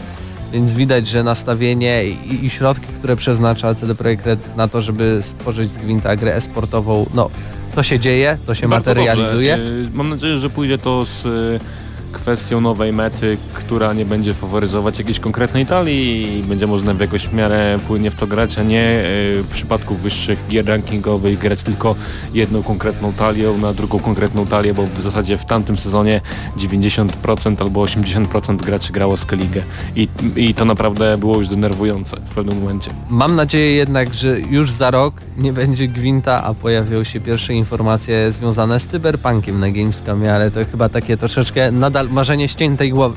I na zakończenie tego dnia ja byłem jeszcze na dwóch pokazach, na których Hubert y, nie był, bo nie dotarł albo nawet nie był zapisany. Ale ja, No tak, tak Hubercie, tak, tak. a ja Y, jeszcze nie Cho- powiedziałem o jad- kilku pokazach, których ja byłem, Jadł Mateuszu. krosanty, dlatego nie poszedł. No, ja dość krosanty. Kwasanty, Pierwszym pokazem, na którym byłem e, sam było Black Mirror, czyli mm, taki remake gry przygodowej z 2003 roku. Stworzonej przez Netflix.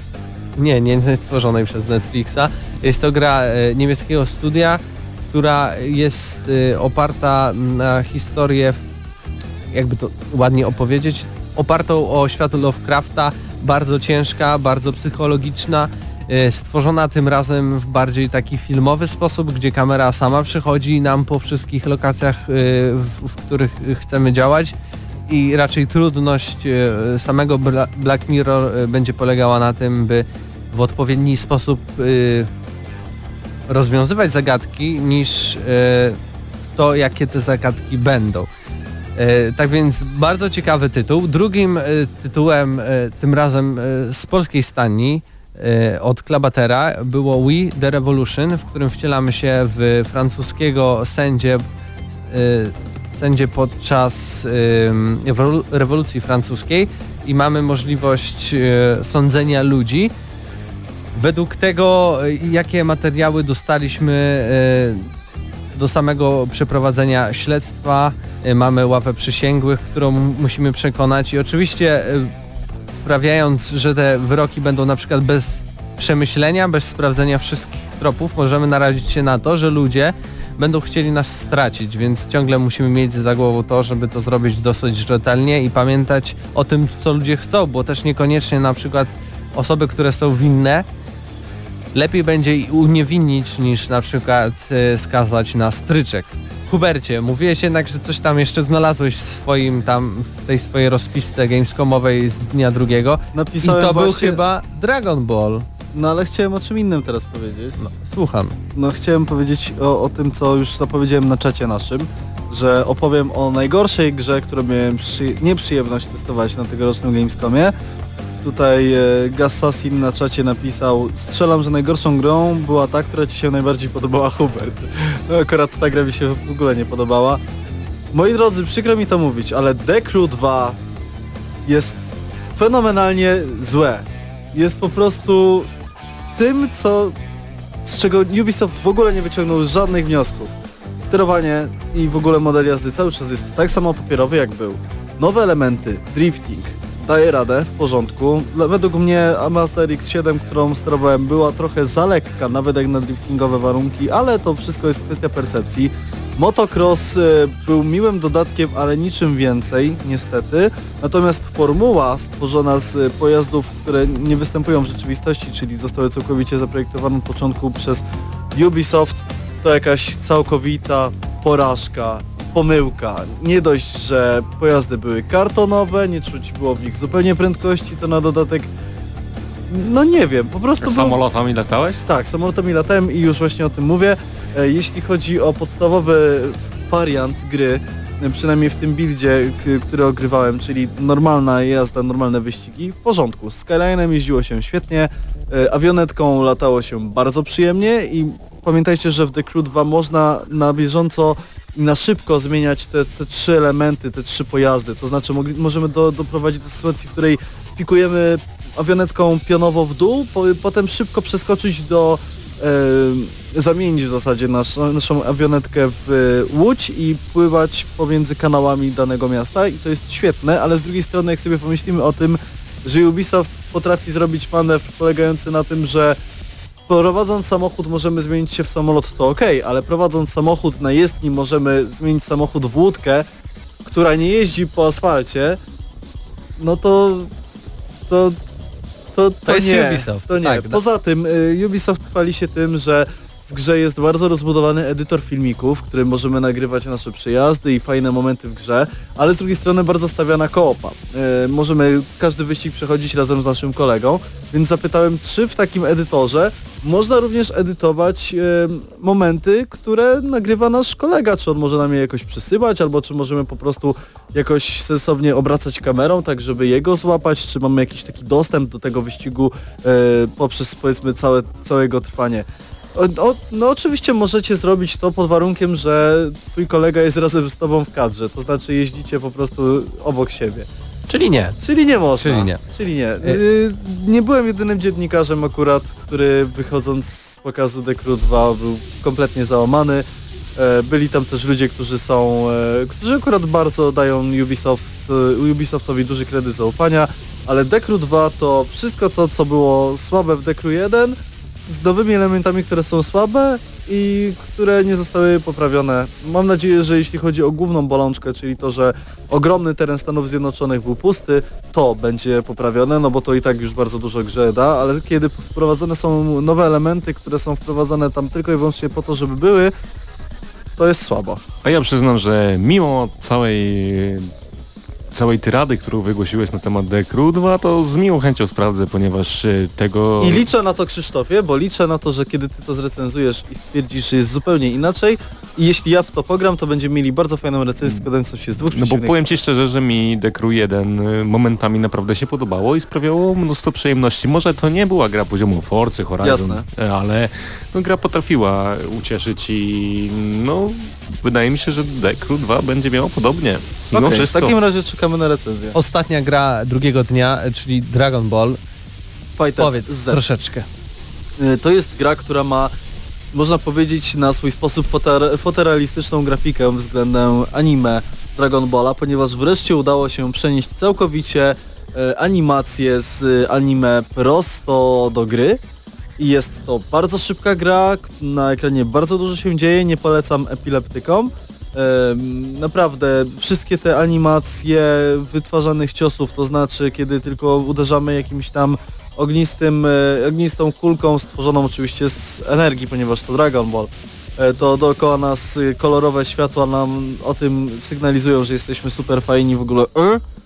Natomiast jeśli chodzi o, o demo, które wiadomo, na targach generalnie y, gra musi być tak dostosowana, żeby każdy mógł w nią pograć i się w miarę cieszyć. W sensie musi być to trochę łatwiejszy poziom trudności, jeśli mamy do czynienia z y, jakąś trudniejszą produkcją, ale to było za łatwe. Kiedy gramy w zespole trzech postaci przeciwko trzem, posta y, trzem postaciom, to można było równie dobrze odejść na minutę od konsoli i kurczę, nie, odnie, nie odnieślibyśmy żadnych obrażeń.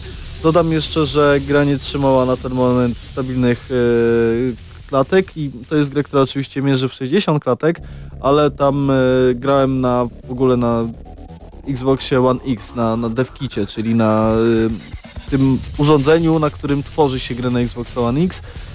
Był pod tym względem problem i zdarzały się dosyć mocne spadki animacji. Znam osoby, które stwierdzają, że Dragon Ball Fighter Z jest świetny i powala. Ja nie wiem, gdzie ta gra w sumie, do kogo jest kierowana, bo to jest coś jak połączenie Marvel vs. Capcom, jeśli chodzi o prędkość rozgrywki, z y, taktycznością Street Fightera y, pod pewnymi względami. I po prostu jeśli chodzi o model walki, to nie jest gra dla mnie, ale myślę, że każdy, kto jest wielkim fanem Dragon Balla i grał w Xenoversy chociażby, to tę grę po prostu kupi z miejsca. Tak więc to był nasz y, drugi dzień Gamescomu. Zapraszam wszystkich jeszcze ponownie na nasz czat, y, czyli wchodzicie na stronę gramy na maxa.pl, klikacie czat i czat i tam wpisujecie swój login. Nie potrzeba hasła, tam jest już kilka osób, jesteśmy i też my, tak więc y, możecie zadawać nam pytania. A my za chwilę przejdziemy Zanim do trzeciego dnia, to porozmawiamy o naszych wrażeniach z bety y, Call of Duty World War II plus o wrażeniach Huberta z Gamescomu, również o Call of Duty.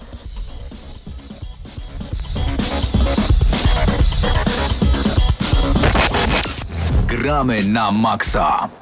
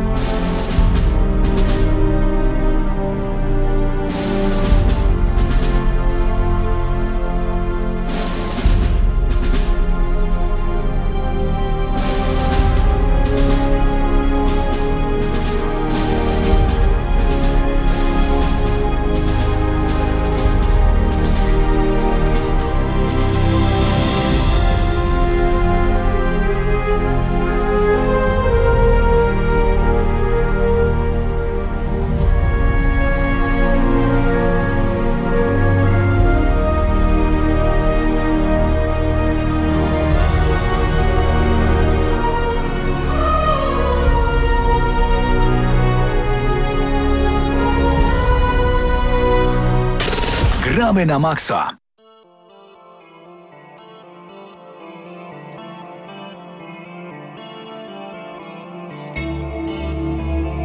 Wgramy na maksa czas na wrażenia e, z bety, a może i nawet alfy, a na pewno zamkniętej wersji trybu multiplayer z Call of Duty World War II, a więc druga wojna światowa. Jestem bardzo ciekawy jaki będzie podtytuł w Polsce, czy może w ogóle będzie spolonizowana e, sama nazwa tej gry, ale może wracając do tego co najważniejsze w tym segmencie gramy na maksa, no to wasze wrażenia. Wiem, że Patryk wręcz schakował grę i zdobył taki poziom, że ludzie po kilku chyba tygodniach dopiero grania w Call of Duty zdobędą taki, czyli 22 poziom. Tak więc Patryku będziesz naszym ekspertem w studiu, ale oprócz tego y, w BT zagrał również ktoś jeszcze? Panowie, jesteście? Teraz już chyba jesteśmy wszyscy. Jesteś, Jesteśmy jesteś. wszyscy? Tak, tak. jest nas. Ja chciałem powiedzieć, że specjalnie dla takich ludzi jak Patryk podniesiono level w becie Call of Duty, bo po, po jednym dniu dostaliśmy komunikat, że level został podniesiony. Ja grałem w betę bardzo długo, ale mamy mieszane uczucia, a wiem, że Patrykowi się bardzo podobało.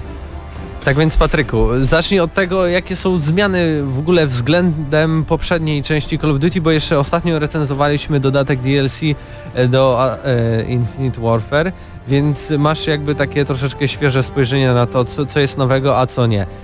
Mm, I to jest problem, bo... Bo niewiele nie się można- zmieniło. Tak, tak, to, to się zgadza. I w ogóle nie można rozpatrywać y, multiplayera pod względem II wojny światowej, bo gra jest skonstruowana w taki sposób, że jakbyśmy nałożyli na to jakieś futurystyczne skórki, to to byłaby gra futurystyczna. Jeżeli byśmy nałożyli teraźniejsze, to by była teraźniejsza. I nie ma to w ogóle odniesienia do II wojny światowej. Sama, samo działanie broni, y, samo ich y, ustawienie, no... Ale gra się fajnie. Po pierwsze to zgodzę się z tym, co Patryk powiedział, ale w stosunku do na przykład Infinite Warfare gra jest e, zdecydowanie wolniejsza. Brakuje oczywiście biegania po ścianach i tego typu futurystycznych elementów i w swojej rozgrywce e, momentami i settingu zresztą też bardzo przypomina, jeżeli ktoś grał w multiplayera do Call of Duty Black Ops i, ym, i ja gdy grałem w BT to w dużej mierze sobie przypominałem jak grałem w Black Ops i no muszę przyznać, że jeżeli miałbym to do czegoś porównać, to zdecydowanie najbliżej e, tej grze do tej, mm, do poprzedniego tytułu, E, ale e, co mnie najbardziej zdziwiło to tryby, które pojawiły się w becie, bo chyba warto od tego zacząć, może nie od broni, ale od trybów, bo ym, oczywiście mamy tutaj standardowy deathmatch, e, mamy tutaj e, dominację, która polega mniej więcej na tym, że zajmujemy mm, miejsce z punktem, no i y, y, jeżeli mamy przewagę punktów, to punkty lecą do naszej drużyny, jeżeli przeciwnicy mają więcej niż, niż my flag, więc to wtedy oni zdobywają punkty i zdobywa ten, kto osiągnie limit określony przez serwer. Jest też y, tryb y, hardpoint,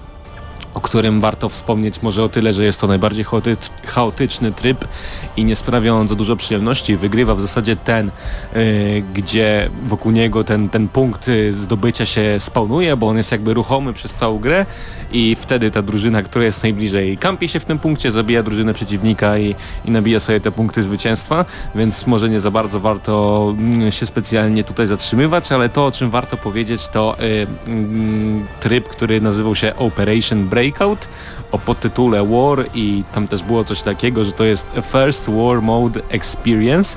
No i muszę przyznać, że ten tryb mnie bardzo rozbawił, ale może niech zacznie Patryk. Tak, to jest tryb, na którym spędziłem chyba 80% grania w Call of Duty, ponieważ y, pokazywał nam najwięcej, bo był on złożony z czterech trybów. Pierwszy tryb y, to było zajęcie punktu, drugi tryb to było trzeba było zbudować most dla czołgu, potem trzeba było podłożyć bombę, a w ostatnim trzeba było y, doprowadzić czołg y, do danego punktu, z punktu A do punktu B. I no nie jest to Bardziej to jest taka karykatura II wojny światowej, bym powiedział, taka zabawna karykatura, ponieważ na samym, na samej zasadzie czołgu, tak? Bo ja muszę Pchnięcie- przyznać, że- Pchnięcie od punktu A do punktu B. Nie, to czołgu. wygląda tak, że to jest połączenie trochę Counter-Strike'a, trochę Overwatcha, trochę Call of Duty, no bo mi się naprawdę wydawało to zabawne, że w ostatnim trybie czołg e, Tak. który jedzie. Można przesuwać w tył i, i w tył i w przód. On w zasadzie Tak. nie zadaje obrażeń i wygląda to niekiedy naprawdę komicznie, bo no dlaczego to twórcy to zrobili, że czołg sobie jeździ w tył i w przód? No można było w ogóle wymyślić coś innego. Y, Akurat te budowanie mostów i bomba wcale mi nie przeszkadzało, ale całe y, to, co zaburzyło moją imersję, to właśnie ten czołg. Y, I rozumiem, że można było sobie zapożyczyć pewne rzeczy z innych gier, żeby sprawić graczom przyjemność. I zdaję sobie sprawę, że ten tryb y, bawi i może się podobać, ale mini osobiście bardzo zaburzył imersję, ale z drugiej strony przypomniałem sobie też, że multiplayer w World, War, World at War, czyli w poprzedniej drugowojennej grze e, Call of Duty, też był taki nie do końca poważny, e, nie do końca brany na serio, można było między innymi wziąć psa jako perka i nim sterować, a single player był bardzo poważną grą, więc też nie chcę oceniać gry e, singleplayerowe pod względem multiplayera. A propos perków, czy coś tam było do sprawdzenia, jeśli chodzi o multiplayer? Czy, czy można było coś odblokować, czy w ogóle to było zablokowane? Do odblokowywania było naprawdę sporo rzeczy i to muszę powiedzieć, że pod tym względem mm, gra dostarczała bardzo dużo, dużo zabawy, bo mieliśmy tych perków bodajże 18 takich perków, samych perków do postaci, że szybsze przeładowywanie, więcej granatów, etc., etc., ale jeszcze był, y, było odblokowywanie broni i każdą broń można było y, levelować. Czyli nabijać na nią level i w tym momencie odblokowały się jakieś dodatkowe rzeczy, które mogliśmy do niej wsadzić jako jakąś rękojeść czy coś, coś w tym stylu, która poprawiała statystyki broni. I tu pojawia się problem, który to jest moim zdaniem takie, taka zapowiedź pay to win, bo broń rzeczywiście wtedy jest ulepszona. Na, na przykład na takim siódmym, na ósmym levelu broń może Na nawet... STG-44 jest bronią masowej zagłady. Tak, może nawet podwoić, no prawie podwoić swoje obrażenia. No, dla mnie to jest to... Osoba, która dopiero zaczyna grę z jakimś tam karabinem, y, nie będzie miała szansy z osobą, która miała, no w tej becie był 25, z osobą, która ma 25 level, no bo ten sam karabin y, u osoby z 25 levelem jest silniejszy i no to mnie trochę przerażało. Potem już mi nie robiło różnicy, bo miałem wysoki level, no ale na początku było naprawdę ciężko. No i trzeba przyznać, że y, właśnie przez to, co się dzieje, jest trochę wysoki próg wejścia i ciężko na początku się odnaleźć, szczególnie jeżeli gdzieś próbujemy grać z karabinami, legendarnymi karabinami II wojny światowej, takimi jak M1 Garand, to nie jesteśmy w stanie konkurować z y, osobami, które grają karabinami maszynowymi lub pistoletami maszynowymi w postaci y, różnych broni, więc y, no nie wiem, czy to tak powinno być, ale to jest dopiero beta, więc myślę, że w balansie coś jeszcze się zmieni. E, Co jeszcze warto wspomnieć e, o lokacjach map? E, W grze było dostępne mapy znajdujące się we Francji, przypominające mi nam Normandię. Były też Ardeny i mapa dziejąca się na Gibraltarze. Co ciekawe, nie pamiętam, żeby jakaś gra drugowojenna na Gibraltarze się działa, więc będzie to jakaś nowość w nadchodzącym Call of Duty. Oczywiście fajnie, że są Ardeny, bo ja pamiętam tylko mm, Call of Duty United Offensive, które działo się w Ardenach i miało dość ciekawą fabułę. E, Co do samej Francji, to nie wiem czy oceniać, już tyle razy to widziałem w grach, że nie zrobiło to na mnie jakiegoś wrażenia. Gra jest bardzo ładna, e, lokacje są e, ciekawie zaprojektowane, aczkolwiek Gibraltar mi bardzo przeszkadzał, ale z jednego prostego powodu. Mapa jest na tyle zaprojektowana, że bardzo łatwo trafić kogoś tam granatem, a granaty Call of Duty World War II to jest to, co mi się w Star Wars Battlefront lubiły najbardziej. Rzucasz granata y, przez całą mapę i w zasadzie po kilku sekundach masz triple killa do, dokładnie tak samo jak killa. wszystko było y, w Call of Duty pierwszym. Pamiętam jak się zagrywałem to tam też tylko zaczyna się runda, granat, granat, granat, jedziemy No, do y, przodu. O tyle jest ciekawie, że granat mamy tylko jeden na jedno życie, Także trzeba szybko więc umierać. trzeba szybko umierać i od nowa regenerować granat. Y, Na zakończeniu, na zakończenie jeszcze e, powiem, że e, pierwsza część bety zakończyła się wczoraj 28 sierpnia, ale kolejna część e, zostanie odpalona e, 1 września, Ja więc jeszcze będzie można sobie zagrać. Grałem na Gamescomie i nie mogę się doczekać, kiedy znowu będę I mógł. właśnie, Hubercie, chciałem się ciebie zapytać, jako takie podsumowanie tego segmentu, e, o twoje wrażenia gamescomowe e, w, z Call of Duty World War 2. No moje wrażenia gamescomowe były po prostu takie, że o matko im się znowu udało zrobić tę grę, która e, po prostu była oczekiwana od lat, ale to chłopaki tutaj przed chwilą zweryfikowali, że nie do końca tak jest. Te tryby, tryby które zostały e, pokazane na Gamescomie, w które mogłem pograć i tam zdobywałem most e, oraz go broniłem oraz grałem w taki typowy deathmatch, całkowicie mnie satysfakcjonowały, no ale muszę na spokojnie poczekać, zagrać w betę. Teraz nie miałem możliwości zagrać w tą, tę zamkniętą betę niestety, żeby zobaczyć jak to się rzeczywiście wygląda, bo no zrobić dobrze multi jest naprawdę trudno, a Battlefront, no rzucanie granatów jest fajne, ale, ale od nich się też umiera, więc... Chciałem tylko powiedzieć, że ja mimo tych wszystkich negatywnych słów, które gdzieś tam rzuciłem, broń Boże nie skreślam Call of Duty World War II, bardzo mi się podobało, spędziłem sporo czasu grając w grę, prawdopodobnie kupię sobie oczywiście jako y, osoba, która bardzo interesuje się tym konfliktem, ale jeżeli jesteście y, takimi ludźmi, którzy oczekują imersyjności, y, trochę realistycznej rozgrywki, no to mimo wszystkich zapowiedzi oczywiście tego nie znajdziecie, znajdziecie tutaj czysty fan, dużo zabawy, ciekawe tryby, szybką rozgrywkę, w zasadzie nie będzie tak, że będziecie szukali przeciwnika, tylko od razu po respawnie prawdopodobnie na kogoś traficie i będziecie się strzelać, więc to jest skierowane dla czystej zabawy i przyjemności. Muszę przyznać, że jeżeli o to chodzi, to oceniam tę betę bardzo wysoko, aczkolwiek martwi mnie trochę balans i, i trochę te mapy i te granaty. No ale zobaczymy jak Ale to z będzie. drugiej strony przypominam, że jak był Star Wars Battlefront, To byliśmy odwrotnie, beta to się byliśmy podobała. zafascynowani betą, potem wyszła gra i było tak, e? A tutaj ta beta akurat była taka... No ale te gry mają y, jedyne, jeden czynnik wspólny to taki, że granaty są bardzo mocne i w ogóle są Patryku. z innych Y, No, galaktyk.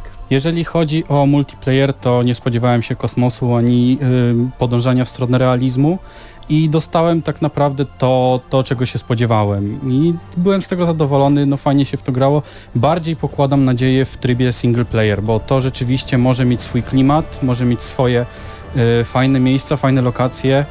Także no cóż, no poczekajmy na single player. W multika fajnie się, fajnie się strzela, ale podejrzewam, że to nie jest numer jeden Call of Jeszcze Duty. chciałem na zakończenie powiedzieć, że to co najbardziej bawi w y, Call of Duty World War II to są ragdole, bo niekiedy potrafimy dostać y, kulkę z pistoletu i przekręcić fikoła 360 stopni w powietrzu i wygląda to naprawdę śmiesznie, zabawnie i mimo tego, że jest to chyba trochę błąd, to mm, bawi i sprawia sporo frajdy i przyjemności. Zapewne ten materiał pojawi się również e, na naszym YouTubie, czyli youtube.com ukośnik GNM Crew. E, Tak więc zapraszam wszystkich do komentarzy, osoby, które grały na przykład w tą zamkniętą betę Call of Duty, jakie są wasze wrażenia, czy czekacie, e, czy zamierzacie zagrać w ten drugi weekend. E, No, tak więc to były nasze wrażenia z bety Call of Duty World War II, a my za chwilę przechodzimy do trzeciego i ostatniego dnia z Gamescomu.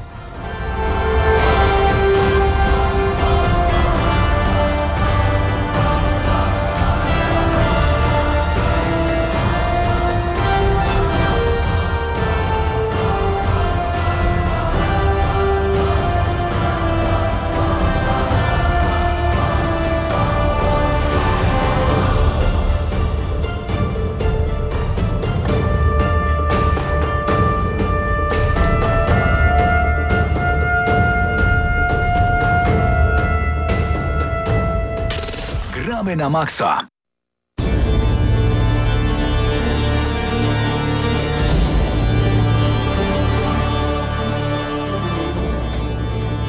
Muszę przyznać, e, myślałem, że e, audycja Gramy na Maxa dzisiaj e, we wtorek będzie trwała półtorej godziny, ale patrząc na te wszystkie nasze wrażenia z dwóch dni Gamescomu, teraz segment z trzecim dniem plus wrażenia z bety Call of Duty to naprawdę coś dużego. Maraton. Tak więc y, jeszcze pół godzinki prawdopodobnie z wami zostaniemy, bo musimy to dokończyć. No, no nie, nie, ma, nie ma innej opcji po prostu. Tak więc Hubercie, zaczynamy od y, czwartku trzeciego dnia naszego Gamescomowego, najbardziej y, chyba upchanego jeśli chodzi o gry. No i zaczęliśmy w czwartek o godzinie 10 z World of Tanks. Co roku pojawiamy się na stoisku Wargamingu, by sprawdzić e, co nowego chyba w jednej z najbardziej popularnych gier e, online w, Polsce, ponad milion graczy. E, tak więc e, World of Tanks dostaje swój dodatek e, singleplayerowy. Jak na razie na konsolę. Osoby, które mają World of Tanks na PlayStation 4 i Xboxy e, 360 i Xbox One e, już mogą jakby sprawdzić e, co w trawie piszczy. E, Gracze PC-towi mm, dostaną prawdopodobnie kampanię dla pojedynczego gracza wkrótce, a wszystko będzie zależne od tego, czy, czy ten dodatek w ogóle e, spodoba się graczom, e, czy też nie. E, W sam jakby dodatek, e, jeśli chodzi o rozgrywkę, jakby nie wprowadza niczego nowego. Oczywiście wsiadamy do jednego z, e, z czołgów, mamy tam swoich kolegów jadących obok, tylko że komputerowych tym razem. E, I, I zajmujemy kolejne na przykład miejsca, kolejne spoty, kolejne bazy, rozwalamy przeciwników, w tle oczywiście rozmowy naszych kolegów, e, co, co tam słychać, połączenia z bazą i tak dalej, i tak.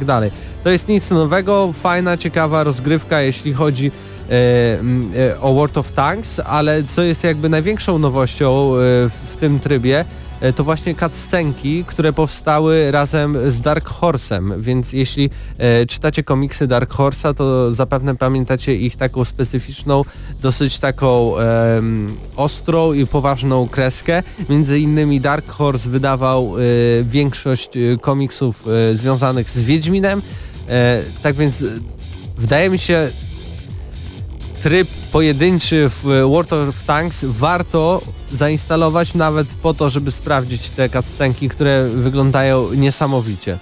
Oprócz tego, y, oprócz tej kampanii dla pojedynczego gracza, y, widzieliśmy również World of Tanks, a tak naprawdę projekty Wargamingu na HoloLens, ale o tym to już musi Wam opowiedzieć Hubert, który HoloLens, HoloLensy Microsoftowe miał na swojej głowie. I mam do tej pory zdjęcie z tymi HoloLensami, to jest jedna z... Głupio się wygląda, ale fajnie Nie działa. da się w tym dobrze wyglądać. To jest po prostu automatycznie człowiek e, wygląda jak w latach 90., które myślało w latach 90.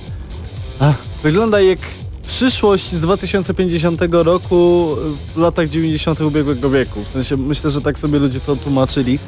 E, zakładając te okulary miałem przy, przy okazji, miałem okazję zobaczyć jak wygląda z e, po prostu czołg w garażu. W sensie założyłem okulary i przede mną ukazał się czołg.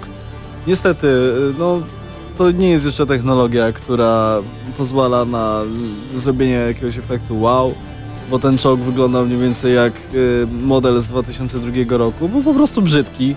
Ym, oczywiście jeśli chodzi o wykonanie, to był od początku do końca prawdziwy czołg przeniesiony, zresztą model z World of Tanks, czyli widać było jak e, pocisk wylatuje z lufy, widać było wszystkie elementy w zasadzie wewnątrz e, modelu czołgu i automatycznie do głowy przychodzi myśl, że co jakby zrobić takie muzeum, który polega tylko na tym, że wchodzi się, płaci się 10 zł i dostaje się okulary HoloLens i ogląda się czołgi, które są zaparkowane i to jest bardzo fajna sprawa tak naprawdę. E, myślę, że inaczej, trzymam kciuki za tę technologię, bo naprawdę można wiele osiągnąć, jak będziemy dalej to rozwijać, w ogóle jako ludzie.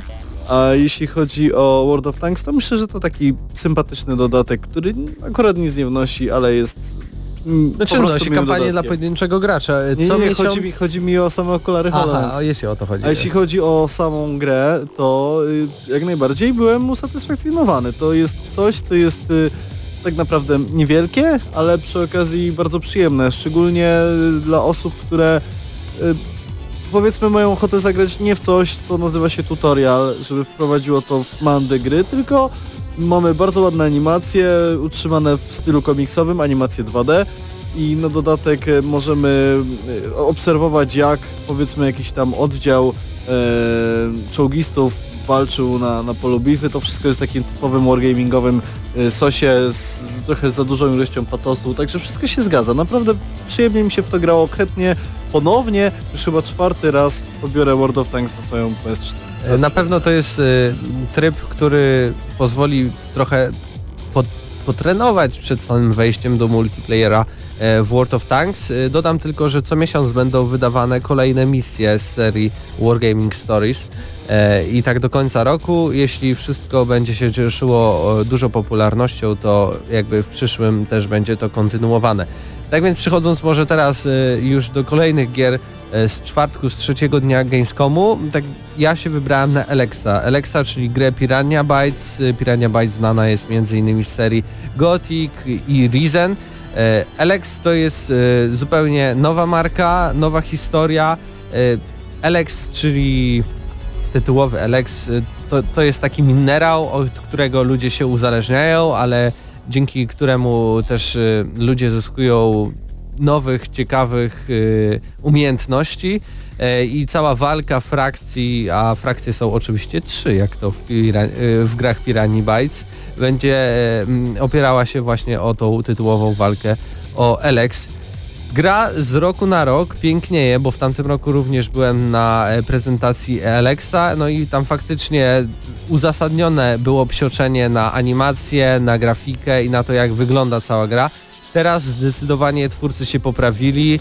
E, stojąc na przykład sobie gdzieś w lasku i, i, i oglądając całą fla, florę i faunę, można naprawdę się zachwycić, e, bo gra świateł jest e, bardzo fajna, tutaj e, HDR i te inne fajne rzeczy, wszystko ciekawie działa. Później wybrałem się na bardzo dziwną prezentację, a mianowicie prezentację od Rockata i ich gry. Uwaga, gry, bo Rockcat to robi, prawda, sprzęty, te słuchawki, myszki, klawiatury, ale też wchodzą teraz y, w taki gaming pełną parą, że tak bym powiedział, bo tworzą swoją grę, która będzie połączeniem moby i RTS-a. Sin City to zwariowane miasto, w którym póki co, jak na ten moment produkcji, mamy y, dwie drużyny, dzieciaków i mięśniaków. Wybierając jedną z postaci, pojawiamy się na mapie i no to tak jak w mobie przy, przejmujemy y, środkowe strażnice i później musimy y, zdobyć tą główną bazę przeciwnika, ale to co się zmienia to to, że ciągle naliczane są nam punkty, dzięki którym możemy zakupić sobie jednostki, NPC, takie boty, które będą nam pomagać w walce, a więc oprócz jakby nastawienia takiego e, stylu MOBA musimy też myśleć e, trochę w stylu RTS. Tak więc e, takie dziwaczne połączenie, którego chyba na rynku nie ma. Może coś z tego być. E, Gra będzie płatna, nie będzie darmowa, więc e, to będzie ją chyba odróżniało od tego typu gier. No ale zobaczymy co z tego wyjdzie. Już chyba teraz, albo przynajmniej od początku września pojawi się beta, do której możecie się zapisać na pewno na stronie Sin City. E, Wpiszcie sobie wyszukiwarkę, tam na pewno znajdziecie mm, tą produkcję. E, No ale Hubercie, y, nie tylko ja byłem na tym Gamescomie, ale i ty. I ty Oczywiście widziałeś. już teraz ja wjeżdżam z y, grą ode mnie i w trakcie kiedy ty byłeś na Elekcie... Sonic Forces może opowiedz. E, Okej, Sonic Forces to bardzo przyjemny powrót do Sonika i wreszcie gra z Sonikiem, która ma szansę coś osiągnąć, ponieważ mamy tam do czynienia z, Sonikiem nowożytnym, czyli tym najszybszym, który jest kojarzony chociażby z Sonic Heroes bodajże z 2006 roku. E, które bardzo mile wspominam swoją drogą. Do tego mamy poziomy, które są inspirowane klasycznym Soniciem z takim widokiem 2,5D e, oraz poziomy, w których możemy kreować swoją własną postać w świecie Sonika. E, wybierać sobie powiedzmy kolor oczywiście skóry, to jak postać wygląda i co generalnie będzie robić i jakie ma specjalne umiejętności. Przypominam, Knuckles na przykład e, taki czerwony jeż, e, nie jeż, nie, nie wiem szczerze mówiąc jakie to jest zwierzę, tam u, u, u, korzysta z pięści i z, z kolei Sonic jest bardzo szybki i biega i Sonic Forces grało mi się naprawdę przyjemnie i bardzo chętnie bym pograł w tę grę dłużej niż 25 minut, bo miałem okazję jeszcze przetestować tryb w- dla dwóch osób, koopowy, który był nową na tegorocznym Gamescomie i zupełnie szczerze wam powiem, że na Sonic Forces czekam. Tak samo bardzo przyjemną prezentacją było Heavy Metal Machines at Hoplon. Sprawdźcie naszego Facebooka, gramy na maksa. Tam e, dla was mamy konkurs, w zasadzie nie konkurs, a do rozdania 5 kodów na, bo to jest gra free- to play, czyli za darmo, dostępna na Steamie. Mamy 5 kodów, a na tych kodach są e, po dwa dodatkowe samochody oraz y, dodatkowe doświadczenie do gry. Jest to połączenie, uwaga, moby, Twisted Metal, Rocket League i generalnie to z mobem praktycznie bardzo mało wspólnego. Jedyny element, który jest wspólny to to, że mamy dwie bazy i dwa cele oraz to, że mm, poruszamy się w pięcioosobowych zespołach i zespół musi ze sobą e, współpracować, natomiast jadąc bardzo szybkim tempem i korzystając z umiejętności znanych z, e, właśnie z, z MOB, czyli trzy podstawowe umiejętności oraz umiejętność specjalna, staramy się jak najszybciej z e, środkowego punktu mapy prze, po prostu wrzucić piłkę do bramki przeciwnika. Brzmi dosyć karkołomnie, ale w rzeczywistości gra się bardzo przyjemnie, tym bardziej, że moby przy, przyzwyczajają nas do tego, że myślimy o nich jak o takich hard, hardkorowych szachach. Nie, nie wiem kto dał takie porównanie, ale kiedy je usłyszałem stwierdziłem, że to bardzo sensowne, bo tak naprawdę w mobach, szczególnie w League of Legends albo w Heroes of the Storm staramy się bardziej w tym momencie Paweł Stachera po drugiej stronie się śmieje i przeżywa cringe, ale e, chodzi o to, żeby e, obserwować błędy przeciwnika. A jeśli chodzi o samo Heavy Metal Machines, nie mamy czasu tak naprawdę na to, żeby myśleć nad tym, co zrobi przeciwnik, tylko musimy reagować. Dlatego jest to naprawdę, naprawdę satysfakcjonująca, satysfakcjonująca produkcja, której się nie spodziewałem zupełnie. No ponad już godzina audycji. Robi Czasem, swoje. czasem język może się zaplątać. Jeśli o mnie chodzi, pojawiłem się również na pokazie nowej gry od Rebelionów, y, czyli y, twórców y, Sniper Elite. Gra nazywa się y, Strange Brigade, bym powiedział y, tak, tak po polsku przetłumaczył może adekwatnie, to taka dziwna, dzi, dziwna drużyna, dziwna brygada, e, czyli pięć osób, e, gra w stylu takim Indiana Jones e, s, i połączenie e, takich mm, filmów e, przygodowych z lat 40. E, wybieramy jedną z, z klas postaci i rzucani jesteśmy na wielką mapę, na której są zombiaki, e, są szkieletory e, i, i po prostu zabijając kolejne fale przechodzimy coraz dalej, coraz dalej i coraz dalej.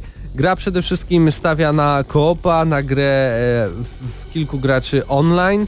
E, Mamy oczywiście jakby tryb dla pojedynczego gracza, a, a bardziej bym powiedział tryb historyczny, fabularny, w którym oczywiście też gramy razem e, z innymi e, graczami. No i oprócz tego mamy też e, klasyczny multiplayer, który właśnie bardziej bazuje na, na, na takich falach i hordach.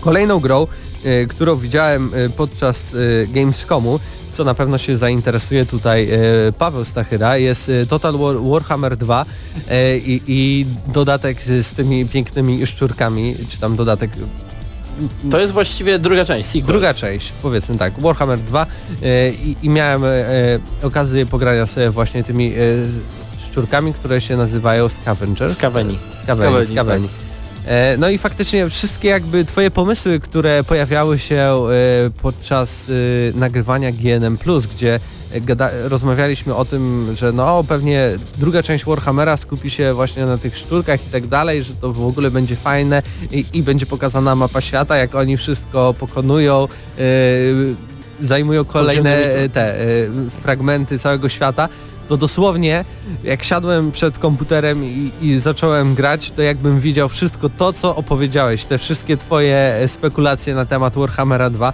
to faktycznie się sprawdziło.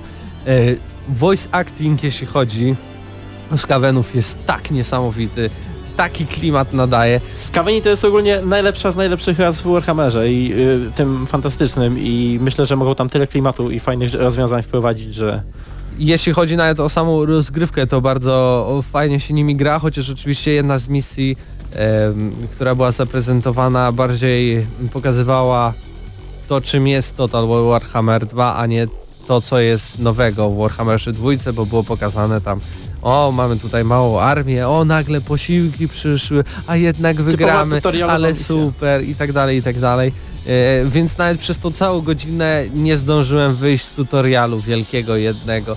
E, ale gra, na którą czekam, ja w jedynkę nie grałem, jakoś mnie to odrzucało, jakby sądziłem, że tam nigdzie nie ma klimatu Total War'a, ale jednak wszystko jest.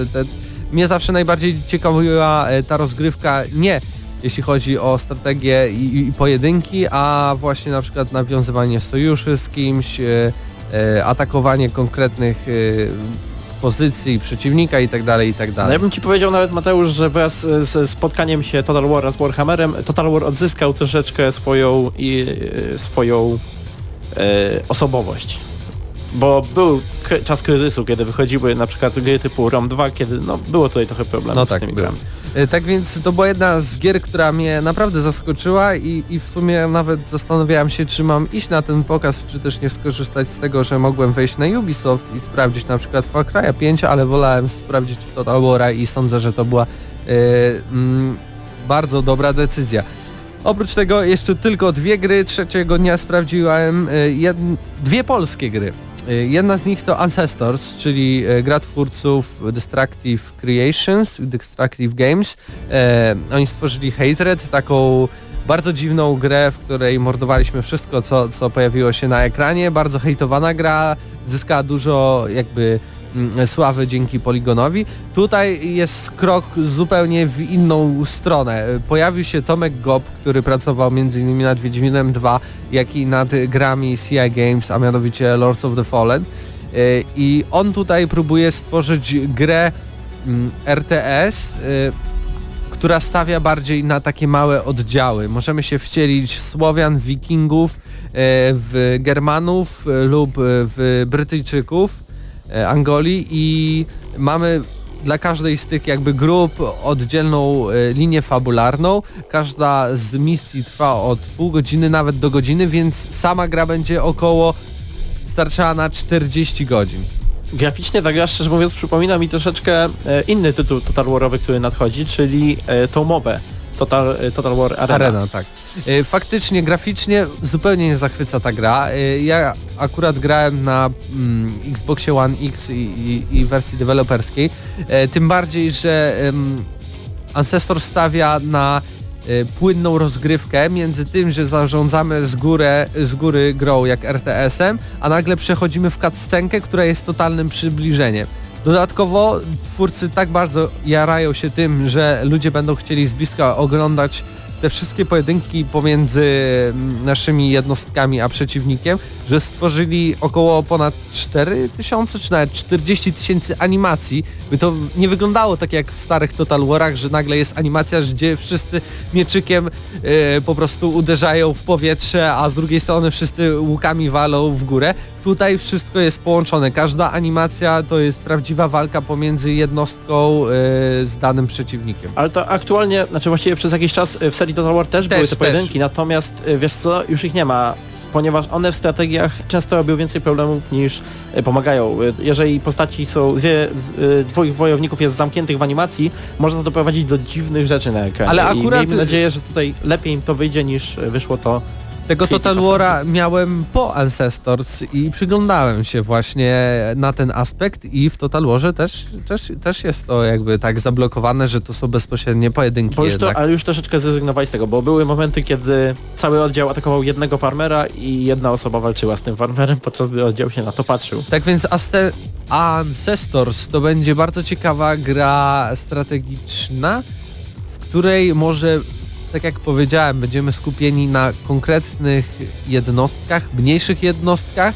Będą, będzie bardzo dużo misji, które będą polegały na skradaniu się i przemykaniu na przykład krzakami za tyły wroga, podpalaniu jakichś chałup, żeby na przykład y, przeciwnika zwabić do gaszenia jednej z chałup, a my wtedy przejdziemy do ich obozu i uwolnimy naszych, y, czy tam ich jeńców, a naszych współbretyńców. Tak więc y, ja czekam i kolejna druga polska gra, która również mnie zainteresowała, y, to Phantom Doctrine. Y, dosłownie zapowiedziana na Gamescomie y, gra w stylu XCOM. Dosłownie XCOM wersja polska, telewizja polska bym powiedział, bo okej, nie mamy tutaj jakichś obcych i tak dalej.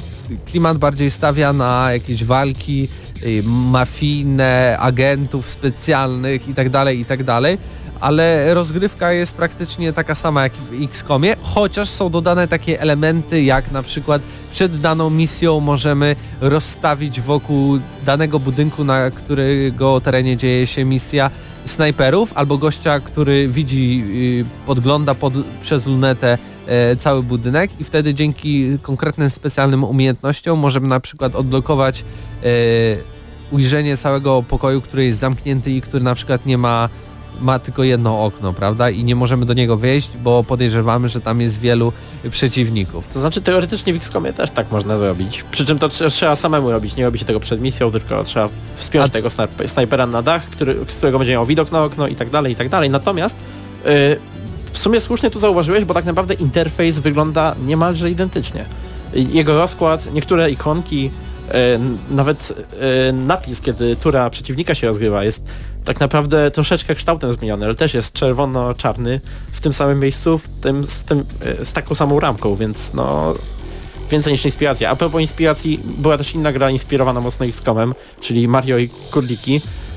I nawet widziałem w, zwiastunie e, finałowym tym e, teraz, bo dzisiaj jest premiera, mm, pojawia się słowo XCOM, że to jest e, XCOM z Mario, więc e, no No, widać, dużo że tych tytułów się XCOM po prostu zasłużył sobie nawet na miano tego, żeby ten gatunek gier po prostu nazywać XCOM-like, prawda? A propos, dzisiaj jest nie tylko premiera Mario, ale też premiera XCOMa i zapraszamy Ale chyba to na ciekawe recenzję za połączy. tydzień albo I dwa. królików też, bo Hubert Pomykała, który obok mnie siedzi, właśnie dostał kopię recenzencką od Ubisoftu. No w ogóle i, dzisiaj chcieliśmy i po- zrobić recenzję, pobiera się. ale pobiera się ta gra. Kod, tak. E, Ale kończąc ju- już e, ten Phantom Doctrine, e, jedną z ciekawych e, opcji jest też to, że na przykład e, w bazie naszej możemy na przykład torturować naszych członków e, zespołu albo tych, których pojmiemy. Albo nawet osoby, które zostawimy na, na, na e, terenie całej misji i zakończymy bez nich, oni nie są straceni, oni nie umarli. Oni mogli zostać na przykład, mogą wrócić do nas, ale nie mamy pewności, czy na przykład nie zrobiono je, im prania mózgu, albo też nie przekabacono na drugą stronę. Tak więc takie ciekawe rozwinięcia bym powiedział e, w stosunku do XCOMa. Ja na pewno jestem zainteresowany tą grą i, i, i czekam z niecierpliwością, żeby sprawdzić e, kolejne informacje na temat jej. I Hubercie, co Wydaje mi chciałeś się, dodać? że nadszedł czas na ostatnie informacje. Mam w zasadzie trzy gry, a w zasadzie jedne, jedną... Mam cztery gry, ale potraktuję jak dwie. O tak Dobrze. powiedzmy, bo Proszę. trzy oglądałem na jednym stanowisku, więc opowiem teraz o tym, co widziałem od Devolvera. Devolver e, zaprezentował mi grę Ruiner. To jest e, taki półoizometryczny rzut, e, ale dosyć blisko nas postać, polska gra, niezwykle brutalna, utrzymana w bardzo mrocznym, cyberpunkowym klimacie, e, hardkorowo trudna, aż byłem zdziwiony, że aż, że ta, aż tak trudna, ponieważ byłem, jak się okazało, jedynym dziennikarzem w trakcie Gamescomu, który przyszedł, e, przyszedł demo, które tam było zaprezentowane e, na poziomie trudności hard i to był poziom trudności, który został zamierzony przez twórców oryginalnie i potem się okazało, że to była misja tutorialowa. Coś tu się nie zgadza, ponieważ jeśli mamy do czynienia z trudnymi grami takimi jak chociażby Soulsy, które tutaj się pojawiają już jako taki temat, który się przewija w kółko i w kółko, bo Soulsy w jakiś tam sposób za generalnie wsparły ten cały ruch robienia gier trudnymi, to w, y, tutaj twórcy śmiało powiedzieli od razu, inspirujemy się Soulsami, ale tak w mojej głowie zaraz, przecież to, to jest strzelanina i na dodatek w życie izometrycznym, więc jak inspirujecie się Soulsami? No bo jest bardzo wysoki poziom trudności. Aha, potem się okazało, że walka z bossem polega na tym, że em, bardzo łatwo możemy zginąć oczywiście, musimy całkowicie wykorzystywać wszystkie umiejętności, które są nam dostępne, a także mamy licznik czasu i pokonując bossa wraz z osobami dookoła niego, jakimiś tam jego pomagierami, poprzez tych pomagierów dostajemy plus 5 sekund, co przedłuża nam czas rozgrywki, więc bardzo często padałem po prostu z powodu tego, że zabrakło mi czasu. Yy, no, myślę, że poziom trudności normalny tutaj jednak wchodzi w grę, bo ten hard jest trochę za bardzo hard i jest tak, taki tak, tak na siłę zrobiony. To jest jedna gra. Druga to I Hate Running Backwards i to jest e, spin-off Serious Sama, e, rogalik tak zwany. E, gra z serii roguelike, to znaczy nieważne kiedy ją odpalimy, za każdym razem będziemy grali w trochę inną jej wersję, ponieważ jest to generowane e, w sposób e, no przypadkowy po prostu. W sensie od- odpalamy mapę i nie wiemy jak będą na nas przeciwnicy e, strzelać i nas będą atakować. Wybaczcie, już jest bardzo późna godzina. I to jest gra, która w żaden sposób mnie nie przekonała do siebie. Po prostu. Nie widzę sensu. Są lepsze rogaliki na rynku. E, odsyłam was oczywiście do, do, do siebie. To co zwracał, znaczy do siebie. Odsyłam was oczywiście do sieci. żebyście obejrzeli gameplaye. To, co zwróciło moją uwagę, to styl graficzny, który jest jakimś e, luźnym mariażem pomiędzy klockami Lego a Minecraftem. I trzecią grą jest Absolver, który mam nadzieję też e, zrecenzujemy za tydzień. Dostaliśmy już kody, dziękujemy bardzo. E, który jest grą, która stawia na e, społeczność. Jest to bijatyka, która ma bardzo rozbudowany system ataków i tak naprawdę ciężko opowiedzieć w kilku minutach o co w tym wszystkim chodzi. Myślę, że musicie poczekać do recenzji. E, no też nie, zrobiło to na mnie jakiegoś za dużego wrażenia. Zdecydowanie Ruiner wypadł e, najlepiej. I jeszcze, je, Czwarta gra, jeszcze jedna jest czwarta gra. już na rynku, czyli Escape from Tarkov. Escape from Tarkov, dokładnie tak. Escape from Tarkov jest już na rynku, miałem okazję sprawdzić nowe e, elementy Escape from Tarkov, to cały czas beta, e, ale przyznaję, że ta gra z racji tego, że jest wybitnie rosyjska, może przekonać coraz większe rzesze fanów do siebie, ponieważ jest to taki pełny survival i ma to ręce i nogi. To, to jest gra, w którą grając człowiek się w jakiś dziwny sposób nie nudzi. Tam zostaje dodanych cały czas bardzo dużo elementów, przede wszystkim e, możliwość wykonywania zadań w e, grze, które wpływają bezpośrednio na osoby, które nam je zlecają, to znaczy na przykład kiedy oczywiście e, robimy interesy z powiedzmy ciemną stroną strefy, e, powoduje to, że ludzie, którzy chcą z nami tworzyć legalne interesy się od nas odsuwają. To wszystko niby było w Stalkerze, ale z drugiej strony y, to było potrzebne Escape from Tarkov i bardzo dobrze, że się pojawiło. Poza tym y, miałem przyjemność y, rozmawiać bezpośrednio z osobą, która odpowiada za design graficzny w Escape from Tarkov i mam nadzieję, że gry w ogóle survivalowe, które tak naprawdę mają tylko jeden element styczny, tą właśnie nazwę survival, one wszystkie są w jakiś sposób inne. E, Escape from Tarkov jest jedną z ciekawszych pozycji na rynku. Tak więc to był nasz trzeci dzień Gamescomu. Ojej, Hubert nareszcie. już pada. Ludzie na czacie piszą, dajcie mu croissanta. E, Wszyscy, którzy nie wiedzą o co chodzi, zapraszam do naszych vlogów e, z Gamescomu, a tam się dowiecie, że codziennie jedliśmy croissanta i w sumie to był nasz jedyny i, i główny posiłek. Dziękuję bardzo Liwko za, e, Dzień w dzień. za krosanta, dziękuję bardzo Spedek z czata, dajcie mu tygrysa powiedzmy. Tygrysy są oczywiście Tanks. energetyczny, prawda? Tak, no, tak, już, no. już Hubercie nie, nie kombinuj, bo naprawdę padniesz. E, to były bardzo ciekawe targi. E, chyba jedne z najpo, najspokojniejszych targów, jeśli o mnie chodzi, Tak, ale to ja już właśnie. jestem, ohoho, ile lat na tym Gamescomie, nieważne nawet. E, ale Hubercie, twoje drugie targi, y, Trzecie. trzecie targi. Tak. I, I jak? ka- każdy jak z roku na rok podoba? są coraz bardziej delikatne, a może dlatego, że w 2015 roku tych dużych gier i ważnych gier było najwięcej, e, a w tym roku z racji tego, że targi zostały przedłużone o dzień i strefa biznesowa też, też była dłuższa, to nie było specjalnych problemów, żeby się zapisać. Oczywiście istnieje na przykład dwóch wielkich nieobecnych, coś na co się nie udało nam zapisać, czyli jak zwykle Bethesda, e, czyli e, Nie, Wolfenstein. Oraz The Evil Within 2, bo też A, no próbowałem, ale The Evil Within 2, które podobno jest rewelacyjne, też było strasznie pobukowane i nie dało się tam zapisać. E, Może o tym wszystkim opowie nam e, Mateusz Zdanowicz, bo on pojawił się na Bethesdzie, Mateusz Zdanowicz z Eurogamer.pl.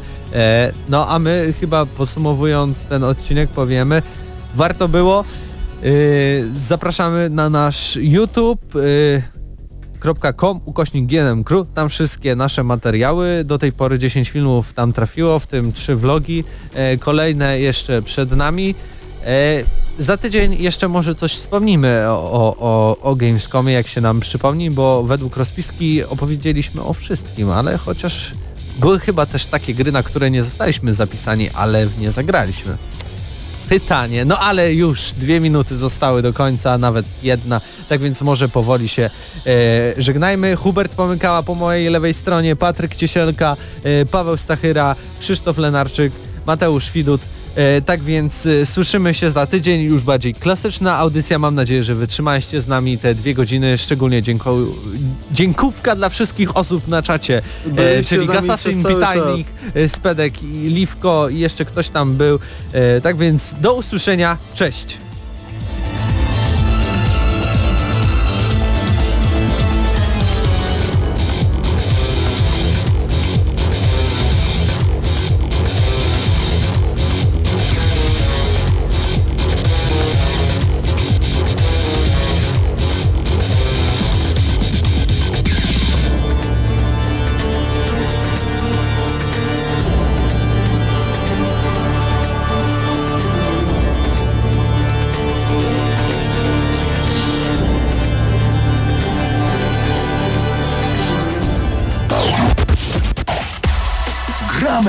Na maksa.